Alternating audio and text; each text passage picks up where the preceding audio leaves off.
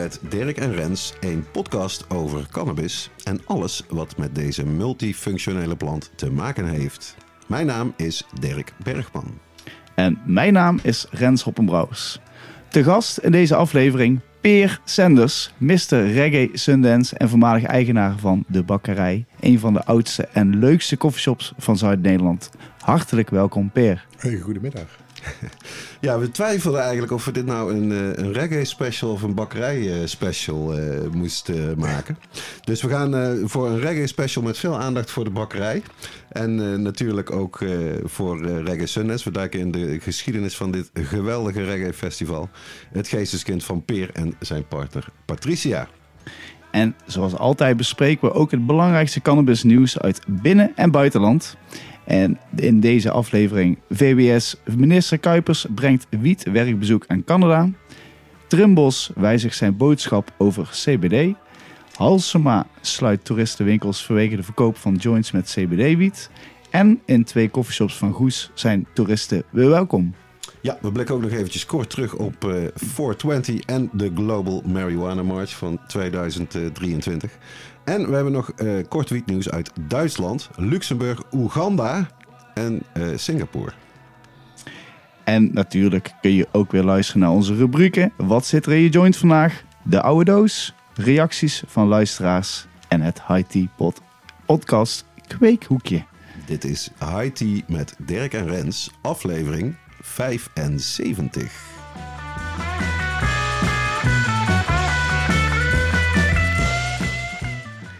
Jazeker, en we gaan naar het eerste rubriekje.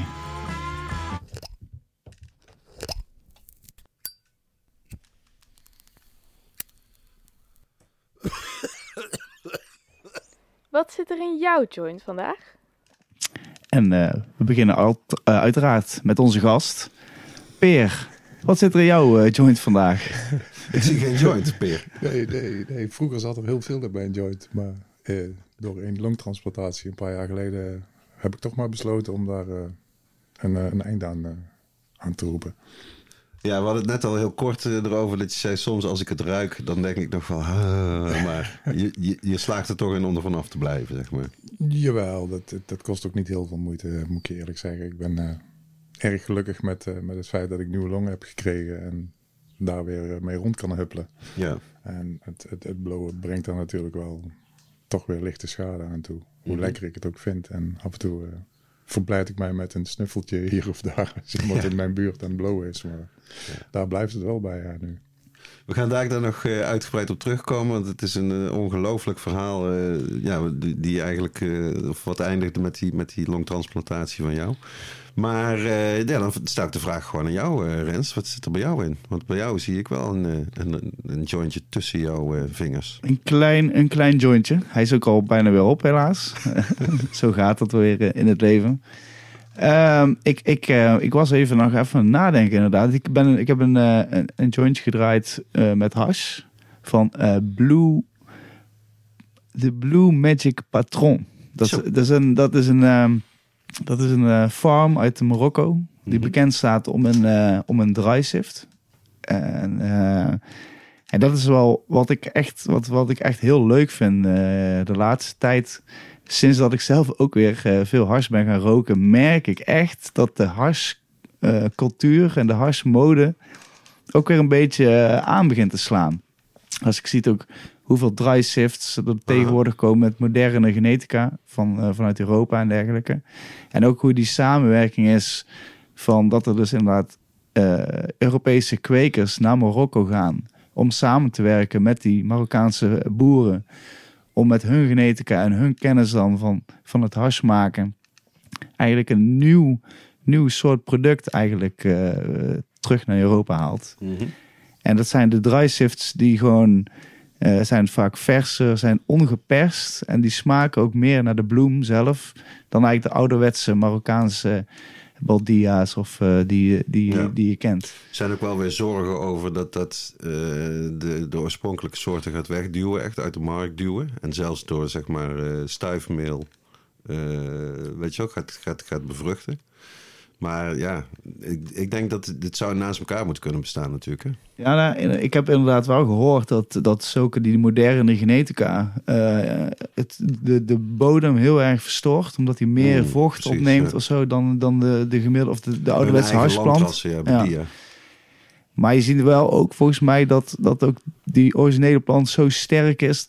Dat na een paar jaar dat je weer heel veel van die originele genetica weer terugvindt Ja, eh, ja, ja, daarin. ja. Dus, eh, maar goed, dat ben ik eh, lekker aan het En wat ben jij aan het roken, compagnero? Ja, die van mij is ook alweer bijna op, vrees ik. Oh, maar ik, oh, oh. Ik, denk, ik heb nog wel een stukje liggen. Ja, ik zit nog steeds, ik ben nog lekker bezig met mijn high life samples. De, het jureren is bijna voorbij. Maar ik denk, ja, ik neem toch gewoon een, een heesje uit die zak die ik al gedaan had. En ik moet zeggen, ik, had hem, ik denk dat ik hem iets hoger ga scoren op effect. Want ik had vanmorgen toch enige stress toen bleek dat mijn printer eh, het niet deed. En ik de gebruikelijke call sheet voor deze aflevering niet kon uitprinten. En toen ben ik toch de, vast eventjes een half jointje gaan roken van die eh, D9, whatever het is. En ehm, prima goed. Een eh, ontspannend en zorgeloos effect zou ik zeggen. Qua smaak dan weer iets minder. Althans, geen hoogvlieger zou ik zeggen. Maar eh, een degelijke hees met een, een, een fijn stressverlagend effect. Zo zou ik het samenvatten. Kijk, dat hoor ik graag. Ehm, ik hoop ook al dat eh, alle luisteraars iets lekkers hebben gedraaid. In ieder geval, stuur ons, eh, stuur ons een berichtje wat je aan het roken bent altijd. Dat vind ik altijd interessant. Waar, met wie, hoe. En of je vaak hetzelfde rookt, zeg maar, je, je favoriet, of dat je zoekt naar zoveel mogelijk variatie. Ja, daar ben ik ook wel benieuwd naar. Dan, dan, eh, dan eh, gaan wij lekker naar het nieuws.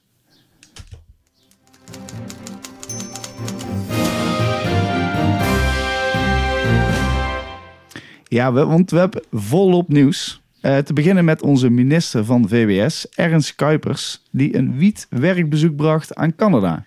Ja, de grap is dat wij met eh VOC al jarenlang roepen, eh, ook tegen Kamerleden, maar ook bewindslieden, ga toch eens een keer op werkbezoek in landen hè, waar die legalisering al achter de rug is, waar ze echt ervaring hebben.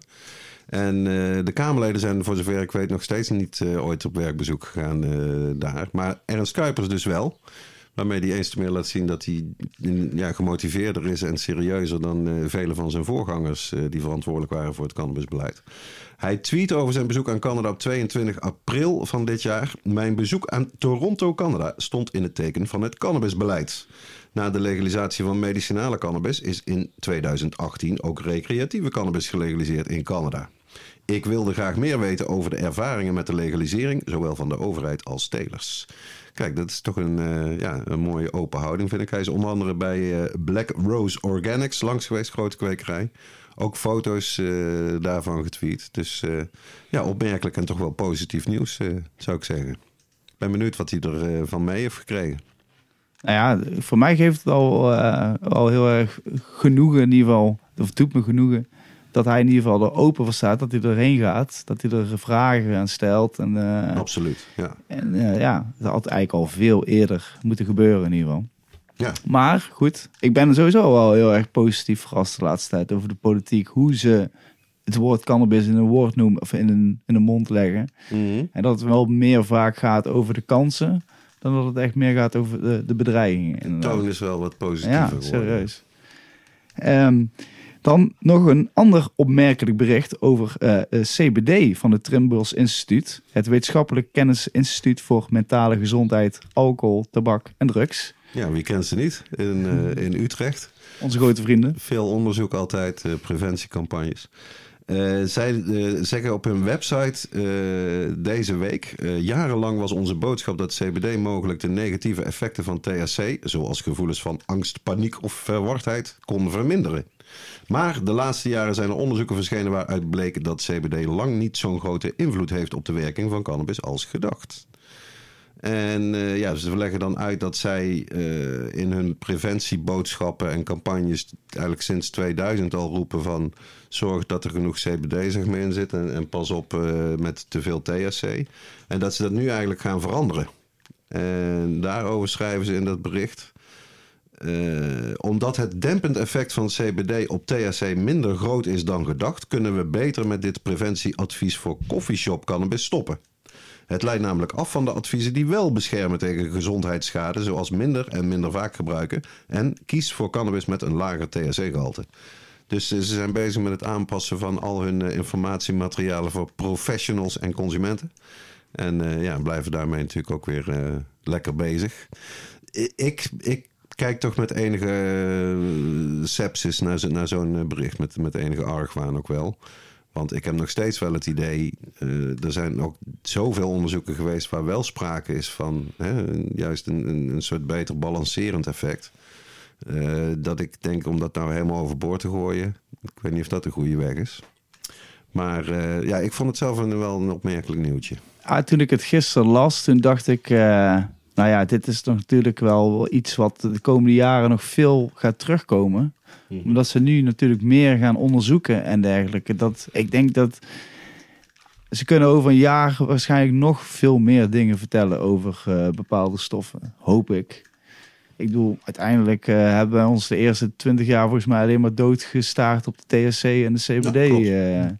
En dat, je merkt nu dat er zoveel andere stoffen ook een bepaald effect, of de terpenen, of... eh, dus ja, ik, ik, ik, ik snap het wel. Ik, denk dat, ik dacht wel van, nou, dit, is, dit zijn van die berichten die ga je nog veel meer tegenkomen. Ja, ik denk het ook. Dadelijk dat ze zeggen, dat THC is het niet het stofje waar je zo stoned voor wordt, maar het is bla bla bla, bijvoorbeeld. Ja. Ik zeg maar iets. Maar ehm, ja, Het is altijd een combinatie van factoren, denk ik. Het is Ja. nooit één stof alleen die iets doet. Ik vind CBD ben ik best een fan van eigenlijk. Ook op zichzelf als, als slaapdruppels zoals ze worden gebruikt. Schijnen ze, hoor ik veel goede geluiden over eigenlijk. Dus ik vind het een beetje voor Nou, een beurt praten wat ze hier aan het doen zijn. Nou, daarom hebben ze het volgens mij ook over eh coffeeshop cannabis. Want ze zeggen ook in dat bericht wel erbij dat ze het niet zozeer hebben over eh, medicinaal CBD. En dan gaat het dus eh, bijvoorbeeld uh, kinderepilepsie, bekend eh, ziektebeeld waar CBD goed bij helpt.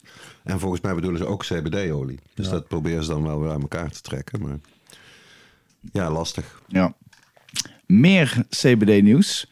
De burgemeester Hals, of, eh, de Amsterdamse burgemeester Halsema heeft zeven souvenirwinkels in het centrum gesloten vanwege de verkoop van voorgedraaide joints met CBD-wiet.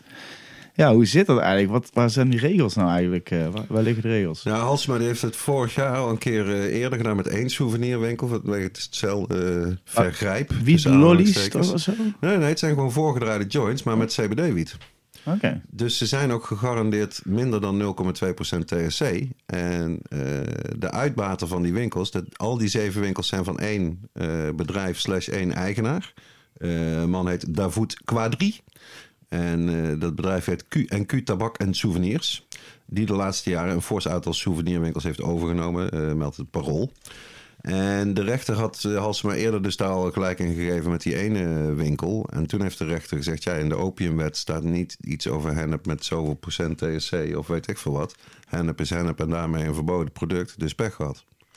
En er zijn ook wel mensen die dit weer toejuichen omdat ze zeggen, nou prima, want je moet geen wiet verkopen in de souvenirwinkel, ook geen CBD-wiet. Maar goed, ik ben toch altijd een beetje van maximale keuze voor de consument. Uh, ik ken op dit moment denk ik geen enkele koffieshop waar ik voorgedraaide pure joints kan kopen met CBD-wiet. Dat loopt niet in de koffieshop. Dus dat is verdwenen nadat een tijdje misschien wel. Uh... Wauw. Ja, ik, denk, ik, denk, ik denk eerlijk gezegd dat er winkels. Ik denk. eh, ik weet wel dat bijvoorbeeld bij de Tourmalijn eh, zag je al een verschuiving.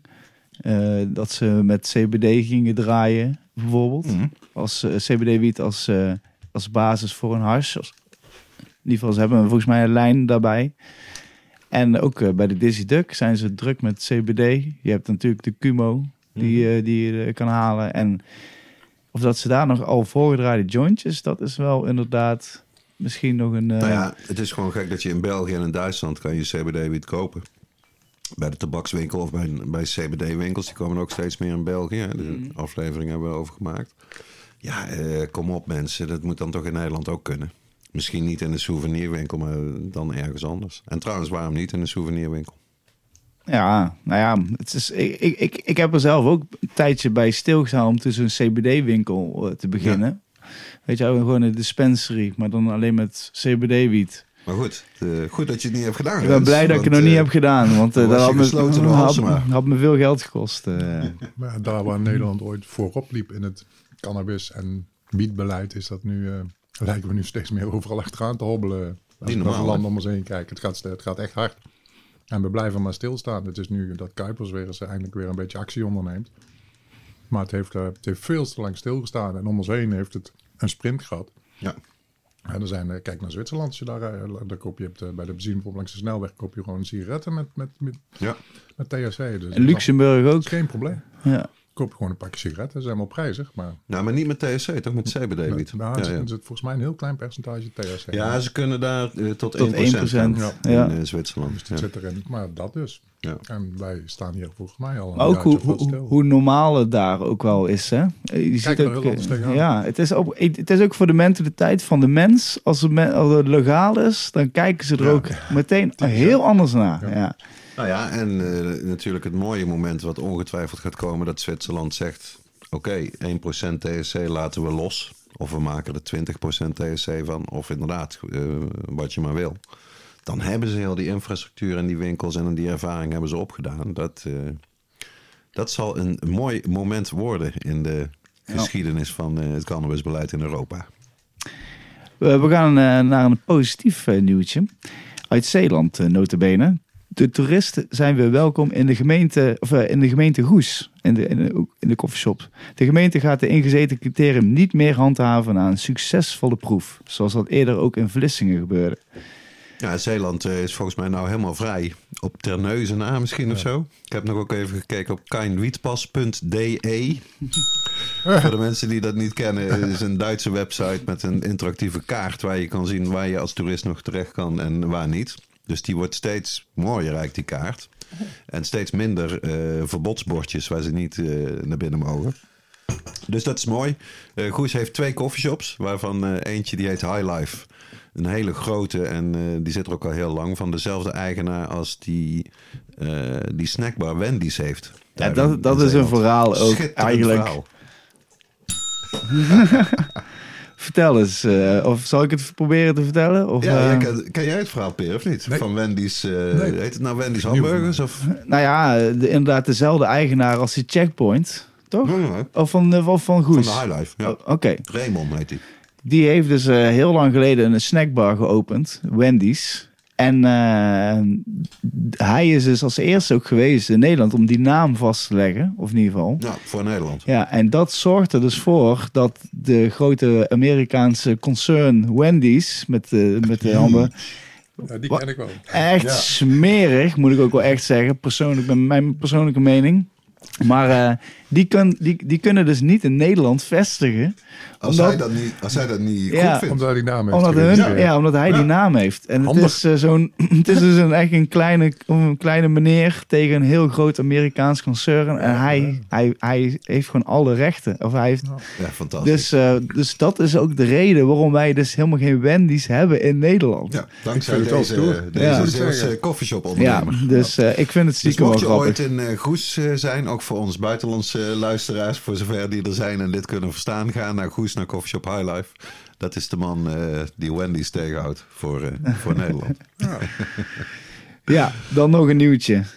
Nou ja, nieuwtje, geen nieuwtje. Hè.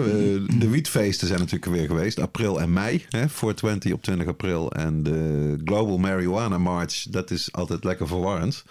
Dat is de eerste zaterdag van mei of de tweede zaterdag van mei.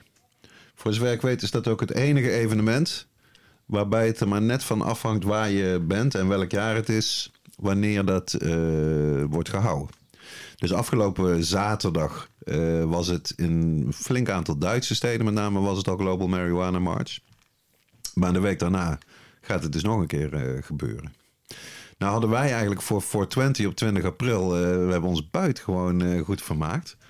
En eh, wij wilden eigenlijk daar onze 75ste aflevering gaan opnemen. En dat is Wat nog- dit nu is. Wat Trouwens, dit- we hebben dit- helemaal geen taart. Ja, we hebben worstenbroodjes. We hebben worst. Shit, Dirk, ik had het, ik had, eh, weet je, jongens, dames en heren, het is altijd, het gaat te snel allemaal. Hoera, 75ste 75 aflevering. aflevering. Dirk, dat we het zo lang met elkaar kunnen volhouden, hè? Ongelooflijk. Ja, gefeliciteerd. Ja. Ja, er is ook voldoende afstand tussen jullie. Ja. Wij houden altijd voor een anderhalve meter afstand. Ja, dat zit erin geramd. Nee, we, ik, eh, ik, mocht, eh, ik mocht namelijk eh, een heel mooi eh, feest organiseren samen met eh, de Dizzy Duck en eh King Size. Een, eh, een eh, hele fantastische... King size kennen de meeste mensen natuurlijk gewoon als formaat van een vloei. Maar in Den Haag is zij... King Size is een eh, rapper uit eh, Den Haag. Een rapper, ja, Ja. ja. en eh, echt een fantastische, warme, lieve gast. Ja. Weet je, de meeste rappers in die industrie zijn redelijk stoer en gangster. En ook al is King Size ook wel een hele stoere man. Hij is ook gewoon een hele zachtaardige, vriendelijke kerel die meer voor de liefde erin zit Meer die dan... De Soul eh, voor de oudere luisteraars. En hij heeft het eh, feest eigenlijk gehost en eigenlijk ook, eh, eigenlijk ook deels zeer mee georganiseerd. En ehm, Het was heel tof bij een strandtent op Ja, het het was- Scheveningse strand. ondanks dat ik het zelf, ik vond het echt een van de leukste feestjes waar ik zelf Ja, ik aanwezig heb me mocht zijn. buiten gewoon goed eh, vermaakt daar. Ja, het- Leuke mensen.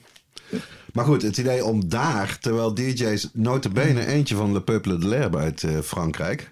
Voor de mensen die dat niet kennen. Een geweldige Franse band die al meer dan 25 jaar aan de weg timmert.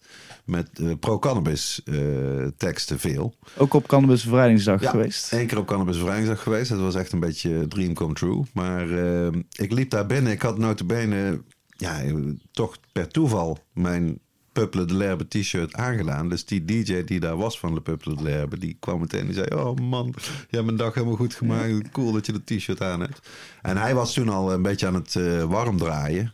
En het was qua geluid waar wij ook hadden opgebouwd. En hoe iedereen ook rekening met ons had gehouden. Want dat, eh, daar was iedereen zeer toe bereid. Ja. Ja, dat, dat was toch een beetje een misrekening.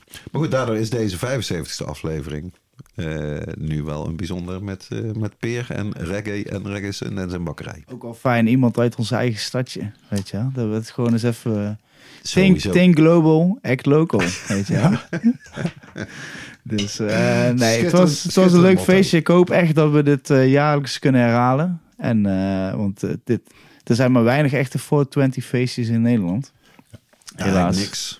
Nee, je zag ook natuurlijk hoeveel mensen er kwamen. Ja. We hadden binnen drie dagen, hadden, of eigenlijk hadden we het in een week hadden we het georganiseerd. Maar drie dagen voor het feest hadden we pas de uitnodigingen gestuurd. Nou, ik denk dat de opkomst 100 uit 100 bijna was. Gewoon eh, nou, 99% Ja. uit de 100%. Iedereen had zin in een feestje. Of, of er was Ja. gewoon ook helemaal niks om echt een, eh, Nee, wij zijn een feestje te organiseren. wij zijn Dus, destijds met Cannabis Bevrijdingsdag begonnen omdat er in Nederland geen enkel evenement was rond de Global Marijuana Mm. March. En eh, eigenlijk ook geen 420 evenement. Hoewel dat toen ook in Amerika nog wat minder was hoor, dan nu. Dat, dat is wel echt gegroeid. Maar het is...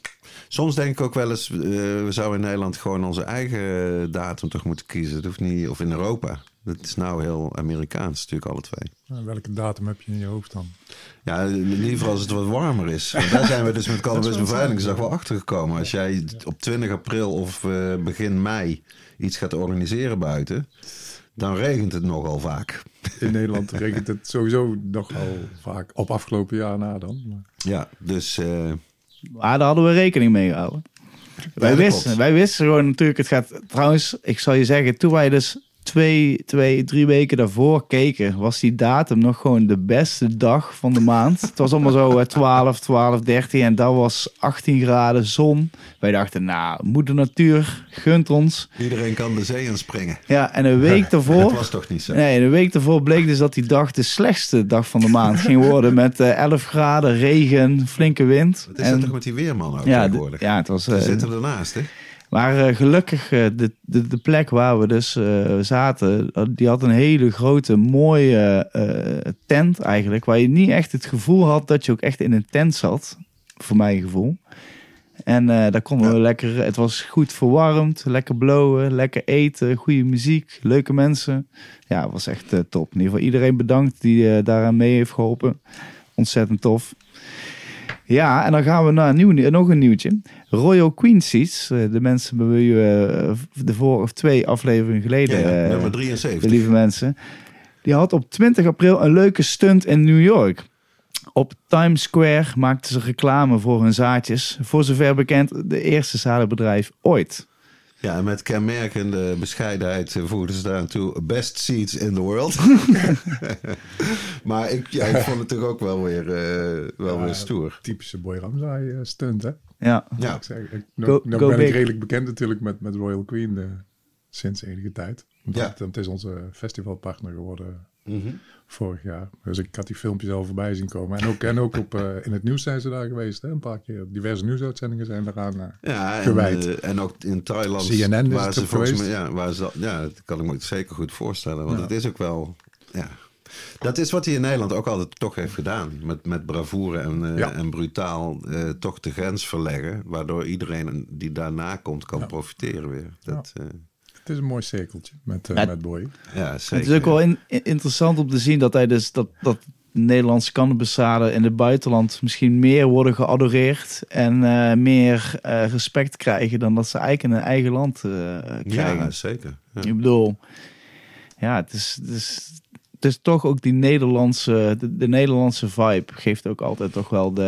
En wat Ik- je van ver haalt is lekker, hè? Is, eh, is toch vaak... Het blijkt zo wel te werken. Nederlanders halen het liever dan van wat verder weg. En ver- verder weg haalt het dan weer liever Ja, bij ons. ja. En we hebben natuurlijk een stukje cultuurgeschiedenis voor zeker het buitenland. Zijn wij toch het land, het beloofde land bijna. Ja. Qua blowen en qua wiet. Dus dan denken ze al gauw van, oh, dan zal het daar ook wel goed zijn wat daar vandaan komt. Mm. Ik denk dat het zo een beetje werkt. Ja, maar ik hoop ook gewoon eh, dat, stel je voor, het wordt daar overal gelegaliseerd, dat je toch denkt, als ik wiet haal, wil ik Nederlandse wiet. Want als ik, eh, als ik eh, Eigen kebab, wiet, eh, als ik kebab. Ik, ik wil gewoon lekkere wiet. nee, maar Ja, man. als ik kebab ga halen, ga ik ook naar een Turks, toch? Ja, op die manier. Nee, maar en als ik, eh als ik eh lumpia's ga halen, ga ik naar een Vietnamees. En eh, Ja, maar als je alleen al kijkt, zeg maar, hoe, hoe Californische wiet, hoe groot dat zeg maar is. Gewoon niet alleen in Nederland, maar heel Europa. Dan, dan kan je je afvragen, zitten mensen te wachten op nederwiet? Of, of, of is dit zeg maar... nou, ik- denk Allebei. echt dat... Ja, Ik denk allebei. ja, en, en verhaal. ja. Ja, waarom niet? De ene dag heb je zin in... Je eet ook niet elke dag bloemkool, toch? Ja, nee, precies. Je wil gewoon die keuze hebben. Ja. En, eh, En de ene dag wil je wat lichter wietje en de dag erop denk je, no. Ja, nou ja, misschien eh, inderdaad, zoals wijn. Ik bedoel, wijn komen Ja. uit een, een paar landen waar je heel graag je wijn uit wil hebben. En je hebt bijvoorbeeld ook eh, wijn uit Chili, die, eh, wat je ook, eh, wat natuurlijk van ver... Australië. Precies, precies. Er zijn eh, meerdere, meerdere landen waar het vandaan komt. Ja. De Global Marijuana March, die, daar had je het net al over. Ja, nou het grappige is, er is er dus volgende week nog eentje. En daar gaat eh, Darpan, bij veel luisteraars misschien wel bekend, ook uit Den Haag moet ik zeggen. Ja. De Canna Ambassador, ook al honderd jaar aan het vechten voor, eh, voor beter beleid, stapje voor stapje. En die gaat naar Düsseldorf, waar volgende week die eh, Global Marijuana March is. Want daar is het echt wel omdat de activisten en ook de consumenten in Duitsland willen natuurlijk druk zetten. Omdat het allemaal een beetje afgewaterd eh, en, en wat slapper is geworden in Duitsland. Met het hele twee-fase ding. Eh, want dat is, dus, dat is eigenlijk ook het nieuws van deze maand. Dat zowel Luxemburg als Duitsland ja, eh, met een soort legalisering light komen. Daar lijkt het wel een beetje op. En in het geval van Duitsland is het dan, eh, hebben ze het over twee fasen. De eerste fase is dat thuisteelt en bezit tot 30 gram. En de thuisteelt is drie vrouwelijke bloeiende planten inderdaad. En cannabis social clubs die niet zo mogen heten, maar die wel zonder winstoogmerk moeten zijn, maximaal 500 leden. Dat gaan ze als eerste fase uitrollen. Dat zou ook al snel kunnen gebeuren, dit jaar nog. En de tweede fase, eh, waarvan onduidelijk is wanneer die dan moet starten, is eigenlijk een wietproef. Alleen in plaats van in steden gaan ze dat in regio's doen. En dan is het dus wel commerciële teelt en commerciële eh, verkoop in winkels. Wat oorspronkelijk in het regeerakkoord stond in Duitsland. En daar, daar nemen ze vijf jaar de tijd voor. Een beetje toch op zijn Nederlands, dacht ik toen ik dat eh, voor het eerst hoorde. Ja, inderdaad. Nou, ik zou je zeggen, als ze stap 1 gaan doen en het, eh, en het, en het is eh, gelegaliseerd om thuis drie planten te telen en 25 gram eh, te Mhm. vervoeren, dan ga ik direct kijken of dat ik met een Duitse kameraad een eh der Homegrown Ah, de Cup, Deutsche Homegrown Koep. de Homegrown Cup, Eh, Duitsland edition. eh, ja, dat, ik bedoel, dat ziet er eigenlijk dus wel eh, vrij rooskleurig uit. Dat dat eh, element of die fase er wel vrij snel komt. En ze zeggen dus dat dat dan te maken heeft dat ze vanuit Europa, vanuit Brussel tegenwind hebben gekregen om meteen in, te gaan voor een commercieel systeem met gewoon winkels en, en commerciële telers. En dat is een beetje de vraag in hoeverre dat nou echt is gebeurd. Want officieel heeft Brussel alleen maar gezegd: wij hebben geen wetsvoorstel ontvangen van de Duitse regering. Dus wij kunnen op dit moment niet duidelijk zeggen wat we daarvan vinden tot we dat wetsvoorstel wel krijgen. Ja. Terwijl Duitsland het eigenlijk een beetje zegt van door Brussel moeten we nu legalisering light gaan doen. En in Luxemburg is dat in nog heviger mate aan de gang. Eh, want daar hebben ze het dan. eh er gaat wel iets. Ze hebben eigenlijk ook een wietproef gepresenteerd, zou je kunnen zeggen, in, eh, in Luxemburg. En dat eh, zou dan gaan om 14 state sale points. Eh, maximaal 5 gram per dag en 30 gram per maand. Dus dat is eigenlijk precies hetzelfde als in Duitsland met die clubs. En dan zouden er twee teeltvergunningen worden uitgegeven. Alleen dat hele project gaat niet meer tijdens deze Luxemburgse regeerperiode eh, worden begonnen. En ook de wetgeving daarvoor niet. Met andere woorden, dat is ook weer. Ook see you 30 gram in per de maand. pruime tijd 30 gram per maand. om te kopen Ja, maar per persoon. Dat is echt... eh, Ja, ik, Grammetje per dag. ja, ik vrees dat dat een soort norm eh, wel wordt. Omdat ze dat, ja, dat ook in Duitsland en je hoort het vaker. En het is natuurlijk arbitrair. Zeker als je puur rookt, dat is weer heel wat anders dan Ja. dat je whatever. Weet je. rook je, dan rook je een grammetje in een joint. En dan eh, kun, Ja. je, kun je dus één jointje roken per dag. En dan zit je al, moet je al inderdaad... Dat, dan, dan stimuleer je dus de zwa- zwarte markt weer. Ja. Want mensen gaan toch Maar ja, weer want in kiezen. Duitsland hoort er dus ook bij dat je maar lid mag zijn van één club. Maar je mag niet van meerdere clubs. Misschien clubhopping erbij.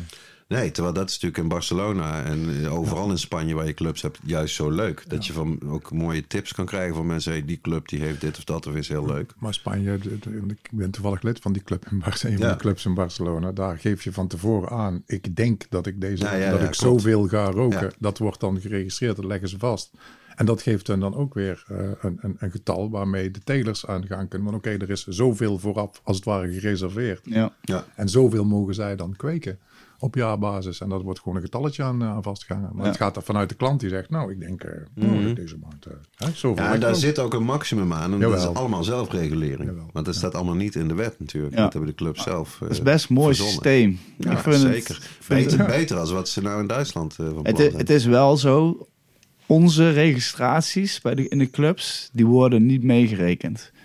Dat, heb ik, dat weet ik wel van de clubeigenaren. Want wij hebben geen eh, NI-nummer, Hmm. een NI-nummer.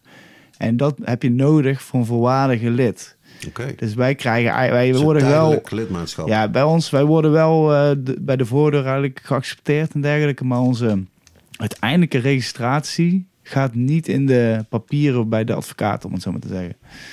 Ja, maar Ja, wij, wij zijn wel volwaardig lid. Hè? Dat is gewoon voor ons. We kunnen eh, we kunnen, eh, Ja. Het is meer zo, hun kunnen alleen niks met onze papieren doen. Omdat Wordt wij geen. Spaanse... eh, want ze, ze mogen niet aan toeristen verkopen.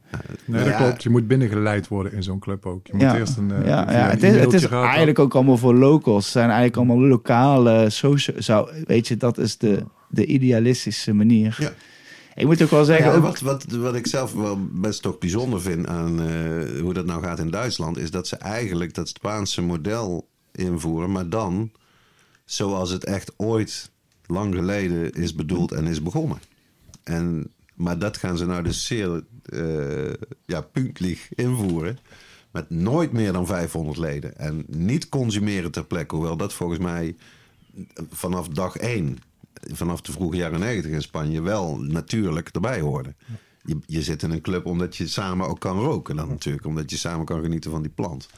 Want eh, dat, dat vind ik ook interessant met die social clubs. Dat, dat, dat past al heel erg. Met name in Baskeland en ook wel in Catalonië waren al heel veel social clubs voor allerlei andere activiteiten. Dat je samen ging koken, dat je samen naar restaurants ging. Social club voor wijn, weet ik wat. Dus die manier van met vrienden zeg maar een, een verband vormen om samen zoiets te gaan doen, hobbymatig als het ware. Dat, dat sloot wel altijd heel goed aan bij, eh bij Octagon, bij Social Club. Maar goed, eh, meer vertraging dus. eh, in ieder geval in Luxemburg en Duitsland. Dat gaat dus ook nog wel eventjes eh, duren. Mooier kan ik het niet maken. ja, helaas. Dan is er goed nieuws eh, uit Afrika, uit Oeganda. En Ja. dat had ik niet verwacht dat we daar goed nieuws... eh, Nee, zeker niet. Het staat internationaal natuurlijk ook vooral bekend vanwege extreem absurde repressieve homo-wetten. dat is echt afschuwelijk daar in Oeganda. Maar goed, eh, er is in 2006 een eh, Narcotics Act daar aangenomen in Oeganda. En daar is bezwaar tegen gemaakt door de producenten van kat. Eh, wat daar zeer veel wordt eh, gebruikt. Zoals overal wel in Oost-Afrika. En die zijn eh, eh, uiteindelijk bij het grondwettelijke eh, hof geweest, de Constitutional Court van Oeganda. En die eh, hebben gewoon gezegd van, ja, die hele wet die eh, verklaren wij null and void, zoals het dan zo mooi heet in het Engels. Dus die, eh, die heeft geen kracht van wet meer. Die gaat van tafel. Eh, omdat er niet genoeg parlementsleden aanwezig waren om te stemmen destijds in 2016. Er moet minimaal een derde moet er zijn om een quorum te hebben, zoals het dan heet. Nou, en die waren er niet. Dus puur op procedurele grond is die hele wet eh, sinds vorige week eh, niet meer geldig. En daarmee is zowel kat als cannabis eigenlijk helemaal legaal. Maar de lokale krant die waarschuwt wel in het stuk wat ze daarover brengen. En ik citeer. Even though the law has been struck down, there is, however, still a risk of arrest for growing, possession, consumption, or sale of banned or restricted drugs under other Ugandan laws. In Uganda, security forces often raid and burn down or uproot cannabis and cut farms on private land. Dus eh, met andere woorden, denk niet dat je gewoon kan gaan kweken wat je wil zonder enig risico in Oeganda. Zo mooi is het ook niet. Maar eh, ja, op dit moment eh, is er geen wet, die, die, die wet die er echt over gaat, over cannabis en over kat, die is niet geldig. Zit ik me wel meteen af te vragen hoeveel andere wetten je dan aan zou kunnen vechten die ook met een minderheid eh, er doorheen gekomen zijn in Oeganda. Want dat zal niet voor de eerste en enige keer zijn geweest. Nou ja, en misschien dus die hele omstreden wetten rond homoseksualiteit. Ik dat zit zou, bijvoorbeeld eh, te denken, ja. Dat zou interessant zijn om die dan ook weg te krijgen. Ja, toch eens even checken hoeveel man er toen waren. Ja. Nou vind ik een derde ook heel weinig, moet ik zeggen, toen ik dat weinig, Ja, je zou ja. zeggen dat de helft toch minimaal aanwezig moet zijn om zoiets te beslissen. Maar Dat is wel gek, ja. niet in Oeganda. Inderdaad. Ja, dan sluiten we af met twee overlijdingsberichten. Ja, helaas. Milo Young, oprichter van Big Buddha Seeds en vooral bekend van de Big Buddha Cheese, is, 3 mei op, is op 3 mei onverwachts overleden in zijn slaap. Ja, mensen Ja. die veel op de beurzen zijn geweest, die zullen hem denk ik wel kennen. De Chinees uiterlijk en een heel joviale, eh, sympathieke kerel. Ja. En ja, die, die Big Buddha Cheese en ook wel Big Buddha Haze later geloof ik. Maar met name eigenlijk zijn cheese, dat was wel, eh, ja, dat was back in the day echt wel een ding. Die, eh, die cheese. ja, zeker. Ik denk ook een van mijn favoriete soortjes wel. I second that motion. ja. Ja, toch? Een van de lekkerste wietjes die ze ooit hebben bedacht. Cheese. Ja. Heerlijk. Een, een skunk variant. Die hij, eh, hij heeft een, een, een soort van blueberry zoetachtige cheese heeft hij eh, Ja. gemaakt. Ja, want hij had- zou dan een kloon hebben gehad van die oorspronkelijke eh, cheese, volgens mij. Ik zou het even niet durven, 100% durven te zeggen. Maar hij zal het, hij zal het Nou, waarschijnlijk zelf... tegen. Nee, maar hij zal het zelf hebben gebreed. Want eh, het is echt zijn cheese. Ja. Dus, eh, en, en hij is daarmee, heeft hij ook zijn hele bedrijfje eigenlijk opgezet. En dan zie je allerlei soorten cheese. Ik denk ook mijn eerste, mijn eerste spannenbis ervaring was ook dat ik bij zijn boot aankwam, wat mega groot was. Ja, ja, ja, ja. En dat ik nog ook een, een zaadje van hem had gekregen. Dat was de cheese diesel. Helaas nooit uitgekomen. ja, dat was wel. Maar dat was eigenlijk ook echt een van de grootste zalen die ik ooit heb gezien. Want die was echt mega. Uh-huh. Als ik vergeleek met een normaal zaadje. En, eh, maar eh, ja, het, is, het is een, een inspirerende man. Het is zo jammer dat we niet de kans hebben gehad om hem eh, Ja, voor de was een podcast... eh, ja. want dat is een goede vriend van eh Karma Genetics. Hmm. Dus meestal op de beurs zagen we hem ook even. Ik heb er helaas ook nooit mee gesproken eigenlijk. Ja, heel gek eigenlijk.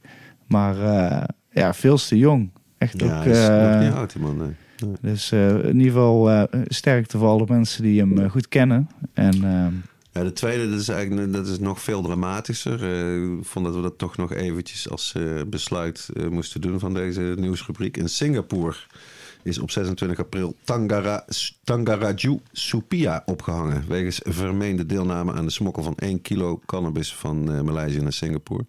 Ja, echt een afschuwelijk verhaal. Uh, veel protest ook geweest van Richard Branson, onder andere van Amnesty International. Omdat hij die, die cannabis nooit heeft aangeraakt. Het komt er eigenlijk om neer dat hij veroordeeld is omdat hij twee telefoonnummers in zijn mobiel had staan.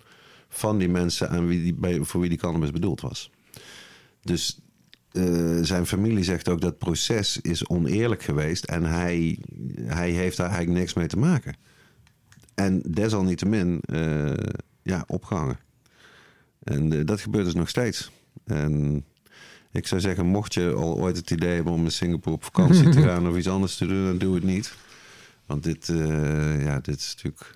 Ja, ongelooflijk. ongelooflijk. Dat, dus dat het nog inderdaad in 2023 nog steeds. ja.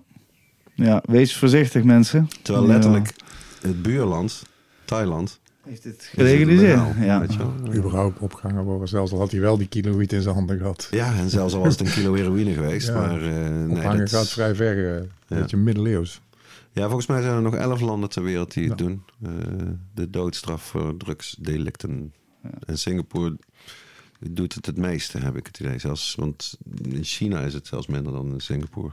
Ja, maar ik weet niet of je uit China nou de exacte getallen altijd maar krijgt. Dat is wel zo. Ja, tot zover het nieuws. was een, eh, een, een mond vol. Ja. Maar uh, we gaan uh, over naar, uh, de, nou ja, naar over reggae, over de bakkerij. En over de Reggae Sundance Festival met onze gast Peer Sanders. Ja, dat vroeg ik me sowieso. Of ben je eigenlijk een Eindhovenaar, Peer? Een echte Eindhovenaar, of niet? Ja, ik ben geboren in Best. Oké in de ver verleden. En ik ben op mijn zestiende naar Eindhoven verhuisd. Oké. Dus in de Heilige Geestraat heb ik, uh, had ik een appartementje. Ja, dat is echt steenworp afstand van hier. Dat is vlakbij hier. Ja. daar heb ik uh, toch heel wat jaartjes uh, doorgebracht, zeg maar. Ja. Dus ik, ja, ik voel me wel een echte Eindhovenaar. Ja. Maar geboren en getogen in het altijd gezellige dorpje Best. Ja. Nou, ik ben zelf ook geen Eindhovenaar. Ik eh, ben uit het altijd gezellige dorpje Nune. En jij uit het gezellige... Ik kom uit Veldhoven. Het gezellige dorpje Veldhoven. Ze komen er allemaal omheen. Maar we, we zijn hier Het, het ruikt naar Eindhoven, toch? Ja, zeker. we gingen op stap in Eindhoven. We woonden en leefden bijna ja, in precies. Dat klopt. Je kocht je muziek ook daar, et cetera. Ja. Uh, wat, waarmee heb jij het eerst kennis gemaakt? Met wiet of met reggae, Peer? wiet. Ja, hash toen in de tijd was dat eigenlijk nog. Take, take us back to dat moment. Ik ben van 67 en ik heb op mijn veertiende uh, kwam mijn broer op mijn verjaardag uh, ook nog. En die was 3,5 jaar ouder, kwam uh, binnen. En die zei, nou, nou ben je 14, nu wordt het tijd een keer een jointje rookt. Serieus. En dat was toen de tijd nog rode en gele liep had je. -huh. En de Afghaanse, de, de zwarte hash en wiet, dat was toen helemaal nog geen... ja, nee. de Thai sticks en, de, en noem maar op, dat had je nog wel. Maar verder eigenlijk niet. Dus mijn, dat was mijn eerste ervaring met blowen toen ik 14 was. En was dat iets wat je, waarvan je meteen dacht, hmm, of, of duurde het langer? Of duurde het zeg maar heel lang daarna voor je voor de tweede keer blowen? Of? Nou, ik vond het vooral spannend natuurlijk op je 14. Ik, ik ja. rookte af en toe stiekem eens een sigaretje en dat, dat, was het wel. Hè? Omdat mijn ouders rookten gewoon allebei, dus je, je bent wel gewend aan het, aan het roken op zich. Dus het duurde niet heel lang. Toen had je een, in Oorschot, notabene, of all places, had je een tent die heette De Ploeg. Uh -huh. En daar liep dan een dealer rond die uh, rode en gele Libanon uh, verkocht. En dan ging je voor vijf gulden in die tijd uh, ging je nog wat, ging je eens wat halen. Dus en in een aluminiumfolietje dan Jazeker, ja. jazeker. En het folietje, zakjes, dat was helemaal geen ding joh. Old school zakjes, was het. Ja. Zakjes bestonden toen nog niet lekker. En met check hè, draaide je ook gewoon niet met, met, met sigaretten of zo. Dat was, dat was not done. Hè. De, de, het gruis wat onder in je, in je, in je checkbel zat. En een filtertje van het, van het mascotte pakje ja, vloei. precies. En dat waren drie vloeitjes aan elkaar geplakt. Ja. Gewone vloei. Hè, de, de, de dunnere rijstevloei, dat kwam pas later. Dat was toen allemaal nog niet. Nee. Wat grappig, ja. ja zo ben ik, uh, ben ik begonnen. Maar het was dus eerst wiet. Ja. of en, hash. Ja, en wanneer kwam die reggae erachteraan, zeg maar? Ja, dat was, bij toeval heb ik mijn eerste reggae show gezien. En dat was of all people, Bob Marley. Die, okay, ik, die, heb ik een keer live gezien, maar ik was toen helemaal niet met, met reggae bezig. Het, het was mm -hmm. echt een toevalligheid met, met een vriendenclub. En eh, kom, ga mee en we gaan, naar een, we gaan naar, een, naar een optreden. In Nederland was het? Ja, in Amsterdam. Een van die vijf? In Amsterdam. Ja, Pedal. Ja, dat klopt. En dat was... Uh, Dat was de, mijn eerste ervaring. Maar, maar toen maakte het eigenlijk helemaal niet zoveel indruk, moet ik eerlijk zeggen. Hadden net dat blow en zo. Dat, daar ging het eigenlijk vooral om natuurlijk. dus ik, ik, ik, ik, ik, ik, ik weet echt van de show zelf, heel eerlijk, weinig meer van. Ik zat meer in, de- in, in die tijd nog in de New Wave, The Cure. En, en, en die hoek zat ik, eh, zat ik een beetje. Want het was ook echt met blowen en zo natuurlijk een, een dingetje. Ja, ja, ja. En eh, ik weet van de show zelf weinig meer af. Ik weet dat ik hem gezien heb. Ik weet dat het druk was, Ja. afgeladen vol was. Dat weet ik ook nog. En veel Surinamers heb ik al begrepen. Ik was er Ja, zelf helaas wel. niet bij. Ja, Maar, zeker. eh, Maar de, ja, de- de- voor de rest weet ik van die show eigenlijk niet helemaal niet heel veel meer af. Dat was in ieder geval niet het moment dat ik besloot van oh reggae is, is, Hmm. is mijn muziek. Dat, dat kwam toch echt pas uh, was later. Het is niet Bob Marley die mij de reggae in heeft getrokken. Dat waren uh, Black Uhuru en Burning Spear. Oké. Dat was uh, en dat was toen ik een jaar of 16 was samen met een kameraad die heel erg in de reggae Uh-huh. zat. Die zei van nou, nou, hier moet je echt mee naartoe. Dit is, dit is zo apart. Dat was Black Uhuru was in die tijd een afwijkende. Dat was rock reggae. Dat was, Mhm. dat, dat was niet dat, dat, dat Bob Marley sound. Dat was met Sly en Robbie nog. Ja. In die tijd. En daar, dat was mijn eerste reggae show waar ik echt met open mond heb staan te kijken van oké, dit vind ik het wel. Ja, ja, ja. Het is andere koek. Ja, dat is andere koek. En dat, uh, dat was twee shows heb ik toen gezien van, van uh, Black Uhuru. En eigenlijk meteen daarna kwam Burning Spear. En dat, Het is ook epic natuurlijk. Ja, zeker in die tijd. Dat, dat die Ja. man had, had toen al een charisma van, van hier tot, de, tot het einde van de straat. Ja. En dat, toen zijn we eigenlijk uh, eerst in Amsterdam geweest. Toen kwam hij in, in Eindhoven. En, en we, een paar dagen later nog in Antwerpen. En we zijn naar drie shows in één week geweest. En drie keer hebben we zo met open mond Wauw. naar die man staan te kijken. Uh-huh. Ook al omdat hij een bijzonder aantrekkelijke saxofonist bij zich had. Dat hielp. dat weet ik dan ook nog. Uh, Maar dat, dat heeft mij de reggae ingetrokken. Black Uhuru en Burning Spear. En niet zoals bij heel veel toch uh, uh-huh. Bob Marley eigenlijk. En, en wat, wat spreekt je daar, of wat sprak je destijds aan? Waarom stonden jullie met open mond te kijken, denk je? De vibe. De vibe die reggae met zich meebrengt. Niet, niet alleen de muziek. De muziek pakte me. Ik vind het mooi. Ik vind het gewoon ook echt intens mooi om, om, om, om in, in de hele sound, de, de, de, de bas en de drum, de, de, de, basis van reggae. Dat, dat, dat geeft een bepaalde dreun in je lijf. Die, ja, zeker als je stoned bent, want dat komt er natuurlijk wel bij. Dat, wat, wat een heel fijn effect geeft. Maar het was, uh, het was ook de vibe die, die reggae met zich meebracht. De, de, de, de, de unity vibe die zeker in die tijd nog, nog wat verder te zoeken was dan, dan, dan later. Dat vond ik, uh, ja, vond ik eigenlijk wel het mooiste. Want dat is, want dan hebben we het over, denk ik, vroege jaren 80 ja, zo. hè? 84 ja. Black Euro was, de, de, was die tour. Ja, dat was uh, toen ook een tijd van polarisatie en agressie ja, en krakersrellen en uh, no future. Ja. ja, precies. De punktijd was toen ook heel erg. Hè? Mijn broer zat meer in, in die hoek. -huh. En ik zat uh, en ik dook eigenlijk in het begin hobbelde ik een beetje achter hem aan. En dat was het moment waarop hij linksaf ging. En, ja, ik, ja, ja. en ik eigenlijk rechtsaf sloeg, zeg maar. Terwijl de of andersom eigenlijk, dat, beter gezegd. Ja, maar ja, tussen punk en reggae is ook altijd een soort uh, verwantschap geweest. Zeker, hè? de Clash Natuurlijke, heeft, ja. dub uh, LP's gemaakt. Ja, precies. Het was, uh, en dat was niet slecht hoor, moet ik je zeggen. Nee, ja, het is sowieso de Clash een van mijn favoriete ja, bands alle Sandinista, tijden. dat was ja. briljant. Uh, nou, je, zijn naam is natuurlijk al, uh, dat kan ook niet anders, in het geval van Bob Marley. Als jij nou iemand voor je hebt, of iemand die, uh, een van onze luisteraars, en die kent qua reggae niks behalve uh, Bob Marley. Wat zijn dan zo de vier, vijf acts die zo iemand zeker moet gaan uh, beluisteren? Wat, wat is zeg maar de Mount Rushmore van de reggae? Oeh.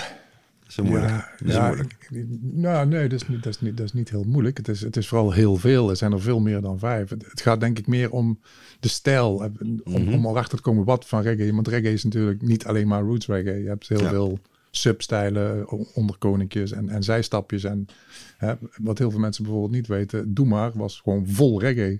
Ja. Hè, dit was een van de populairste bands in Nederland. Misschien wel de populairste in een bepaalde tijd. Maar het was natuurlijk gewoon reggae muziek. Absoluut. Ja. 100 procent. En, en, ja, in, in, in de dub uh, heb je de, de, de Quite Tough Dub Encounters, maar dat is allemaal van vroeger. Als je nu naar reggae toe moet, op dit moment, ik neem aan dat je dat bedoelt. Nou nee, gewoon mensen die, die, die gewoon in Spotify zouden willen waar denken je naar van, moet wat, luisteren. wat, is, wat is echt reggae die zo goed is, zo ja. klassiek, zeg maar, dat je, daar kan je geen buil aanvallen in die zin ook. Daar moet je mee beginnen. Nou, de twee zijn al genoemd, Black Euro en Burning ja. Spear, daar, ja. daar moet je naar luisteren. Uh -huh toch? Dat, dat, ja. dat, dat, is ongekend. Maar ik vind ook dat het, het oude spul, hè? de, de, de, de old school reggae, de, we hadden het er net al even over in het voorgesprekje, hè? de, de Horace Andy's, de Johnny Clarks, de, ja. En, en maar ook daarvoor nog de Melodians en, en, en, en de Scatterlights natuurlijk ook een van de, van de oorspronkelijke bands die ooit met reggae begonnen zijn. De Abyssinians die vorig jaar bij ons gespeeld hebben. Dat is een hele oude, mooie, melodieuze reggae. Daar, eh, daar, Ja, en van de Scatterlights daar is toch ook wel van bekend dat bij die opnamesessies de studio stond altijd totaal blauw van de van de Volledig. kantje. Ja, en, maar dat is de Jamaicaanse kant. Maar je hebt natuurlijk ook de Engelse kant van, Ja. van de reggae. Ja. Ik, ik, ik persoonlijk zeker van de oude UB40 voordat het allemaal misging en het, en het popiopi werd. Uh-huh, De oude UB40, de, de, de eerste twee, drie LP's zijn briljant. uh-huh. Zijn echt briljant. De UB40 Live is natuurlijk eh, een perfect voorbeeld, maar ook die daarvoor al. Ja. Ja, die Signing live plaat is, die is Ja, wel die, echt heel Die live plaat is Ja. geweldig. Maar Ja. ook Signing Off, die, die eigenlijk daar naartoe geleid heeft. Dat is een briljant album. En echt mooie, dikke reggae. Ja. Steel Pools is, is ook een band die je dan eh, daar meteen in één adem kunt noemen. De, de oorspronkelijke Misty and Roots, live at the Counter Eurovision. Mhm. Is, is ook een geweldig album toen, eh, toen beide broers nog leefden. Ja. Dat, eh, dat, en, en in de dubstijl heb je, had je Linton Kwesi Johnson. ja, En schitterend. met de ja. Dennis Bouvel eh, de band. Dat is ook ja, briljant om, eh, om naar te luisteren. We zitten al ver over de vijf. Ja, maar allemaal goede tips. allemaal goede tips voor mensen die inderdaad eh, denken van... Ja, ja, reggae, ik vind het eigenlijk wel leuk, Bob Marley. Als je deze mensen gaat luisteren, dan word je misschien vanzelf wel, wel En reggae. hebben we de dancehall nog niet gehad. Nee, ja, precies. Want die heb je natuurlijk ook nog. Nou, en, en ook de, überhaupt de invloed natuurlijk van Jamaicaanse muziek. Eh, als je teruggaat ja. in de tijd, eh hip-hop, ja, dat was gewoon het toasten. Noemen Ja. ze dat op, eh, op Jamaica. King, Praten. King Yellowman, Ika Mouse in zijn begin. Dat waren geen, dat waren ja, toasters waren dat Ja, inderdaad. Zo, zo noemde je dat ook in die tijd. Ja, en dat is eh, als je dat. nu- Toasters. Ja, toasten kan je, kan je zeggen, het is eigenlijk het is gewoon de proto-rappen. het is het idee dat jij met bestaande eh, muziek eroverheen eh gaat praten op een ritmische manier. Nou ja, dat, dat is wat rappen is, in zekere zin. Ja. En dat kan je, dan kan je teruggaan naar eh, de vroege jaren zestig. Dat, eh, dat je al platen hebt waarop dat gebeurt. En dat is toch wel wat eerder dan eh, in New York en in de Bronx, zeg maar, de rap dan zogenaamd werd uitgevonden. Ver daarvoor. Ik Ja. denk een jaartje of 10, 15 eerder al dat, eh, Ja. dat ze op Jamaica daarmee bezig waren. Klopt. Hey, laten we het even gaan hebben over eh, de bakkerij. De, het, het legendarische café op het Stratum Eind hier in Eindhoven. Jouw huiskamer. Mijn, ja, dat is heel lang mijn stamkoffieshop eh, geweest. Al sinds midden jaren 70 werd daar hash en wiet verkocht. Ho- Hoe en wanneer kwam jij daar terecht bij de bakkerij? Ehm, nou, ik stond als barman in een andere café op de straat in Zijnd. En ehm, ik, kende, ik kwam natuurlijk als klant in de bakkerij. Al heel veel jaren. Ook al vanaf mijn 17, 18 kwam ik in de bakkerij. Dus Elke ik- blower in Eindhoven in feite. Ja, die ik- kwam ik- toch wel in de bakkerij. ja, je had, eh, je had de White en je had de bakkerij. En de White Ja. was me een beetje te heftig allemaal. Dus ik ging naar de bakkerij. Ook omdat de, de- Want de White, de White Horse, voor de niet-Eindhovenaren of de mensen onder de 30, zeg maar. Ja, Ja. Dat was de heftigste café waarvan ook altijd in ieder geval het verhaal ging... eh, dat je daar ook wel andere drugs kon kopen dan... ja, eh, dat was niet alleen het verhaal, dat kan Ja. je daadwerkelijk. Maar en dat zat daar gewoon openlijk aan de bar. En niet alleen drugs, daar ging, eh, daar ging van alles rond wat je ja, dat was toch verboden heeft. de heftigste, een van de heftigste cafés van Eindhoven. Ja, nee, dan was de bakkerij de relaxter. Maar goed, jij, werkt, jij werkt in een ander café en je kwam als klant. Ja, al heel lang natuurlijk. En eh, ik, ik kende al die mensen. En een, een vriend van mij werkte daar. In, de- in, de- in het begin de tijd had je geen... Het was geen koffieshop. Daar liepen huisdealers rond, zoals dat heet. Ja. Mensen die, met een, eh, die achter de bar stonden waar je wat hash of wiet bij kocht. En dat stond eigenlijk los van, van het café op zich. Je mocht daar roken, dat, eh, dat dan weer wel. Dus dat was hoe ik daar kennis mee maakte. En een van mijn beste vrienden was daar een van die, van die huisdealers. En op een gegeven moment kwam mij ter oren dat eh, een van de, van de huisdealers eh, van zins was om ermee eh, te stoppen. Dus ik, ik zei tegen mijn kameraad van, nou ja, luister. Mocht, mocht, hè, mocht het zo toevallig op zijn plek vallen en mocht ook de eigenaar daar hè, geen bezwaar tegen hebben, dan wil ik die plek wel, wil ik die plek wel overnemen. En zo, zo geschieden. En wanneer was het ongeveer? Ik ben, ik ben heel snel, Slecht terug, ik ben heel snel terug aan het rekenen. Ik, ik denk eh, rond 7, 96, 95. Ik denk 1994 of 95. Ja. Ja. Ik zit even terug. Ik zit vooral naar het begin van het festival te denken, want toen was ik al werkzaam daar, maar nog niet zo heel lang. En het festival zijn we begonnen met organiseren in 95. Ja, precies. Dus ik, ik vermoed 94 dat ik daar, eh 495, dat ik daar. Eh, Oké, want dat, nou ja, je noemt het al even. Dat is de tijd dat je eh, ja, ook begon met, met uh, Reggae Sundance. Ja. Uh, wat bezielde je toen om te denken van... Uh, laat ik dat nou eens gaan organiseren. Een open-air reggae festival in Eindhoven. Nou, dat is, dat is, dat is makkelijker om te beantwoorden. Het was, ik was toen met mijn toenmalige kameraad van me, Niek van der Broek. Dat is eigenlijk de oorspronkelijke medeoprichter van, van Reggae Sundance. Wij waren aan het... Wij werkten, ik werkte toen bij Dynamo Open Air. Het, mm -hmm. het hardrock... Ja. Het hardrock festival van de wereld gewoon. Zo noem ik het nog steeds. Ja. Toen, zeker in die tijd. Ik, ik, ik, deed daar wat uh, in de vangploeg bijvoorbeeld stond ik wat een erg prettig plekje zoals om te staan. Leg eens en uit wat je deed dan. De, de vangploeg is, zijn die mensen die voor, tegen de crashbarrier aan voor bij het podium staan om alle crowdsurfers en flauwgevallen meisjes uit het publiek te trekken, alle vechtpartijtjes te sussen en weer naar de zijkant af te voeren. Dus dat was wel zwaar werk hoor. En Ja. maar, maar je stond dus op een klein verhogingje over een massa van in, in sommige jaren honderdduizend bezoekers uit te kijken. Ja, Dynamo is massive. Ja, dat was gigantisch. Op het vliegveld ja. stond 100.000 man voor mijn neus. Ja. Dus je staat dan op een verhoging en je ziet alleen maar die, die hoofden en de lucht die daar vanaf komt. maar dat terzijde. En eh, dan komen die crowdservers komen gewoon op je af. En alles wat je gewoon binnen grijpafstand kon pakken, dat trok je er dan Ja, overheen. En ja. dat werd naar de Ja, zijkant. dat is en best wel dat hard weer werken, ja. Dat was pittig, ja. Ja. Dat was niet, eh, was niet voor de faint of heart om, eh, om te doen. Want zit daar ook een directe link dat je dacht van... oh, je, kun- je zou zoiets moeten hebben voor reggae? Of eh, nou, werkt het niet in, zo? in zoverre dus ja, zo ontstond het van nou ja, ik, ik had het er met Nico over. Zeg, nou, ik, ik wil best een keer een festival organiseren, dat lijkt mij. Om dat zelf gewoon te doen. We, we hadden toen met Anticoncerts ook wel een beetje gezien hoe dat, hoe dat in zijn werk ging. En ik vond het leuk om te doen. Ik zat zelf, kom ik ook uit de beveiliging eh, van tevoren. Hoe gek die link ook mogen zijn.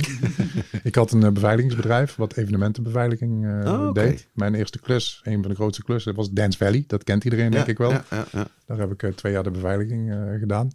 Dus eigenlijk ook een beetje vanuit die hoek had ik de evenementensector wel in, in beeld. Mhm. En ik kreeg het er met Nico van ja, een festival organiseren. Goed, dan moet het wel iets zijn waar ik enigszins verstand van heb. En anders heeft het ook geen zin. Ja.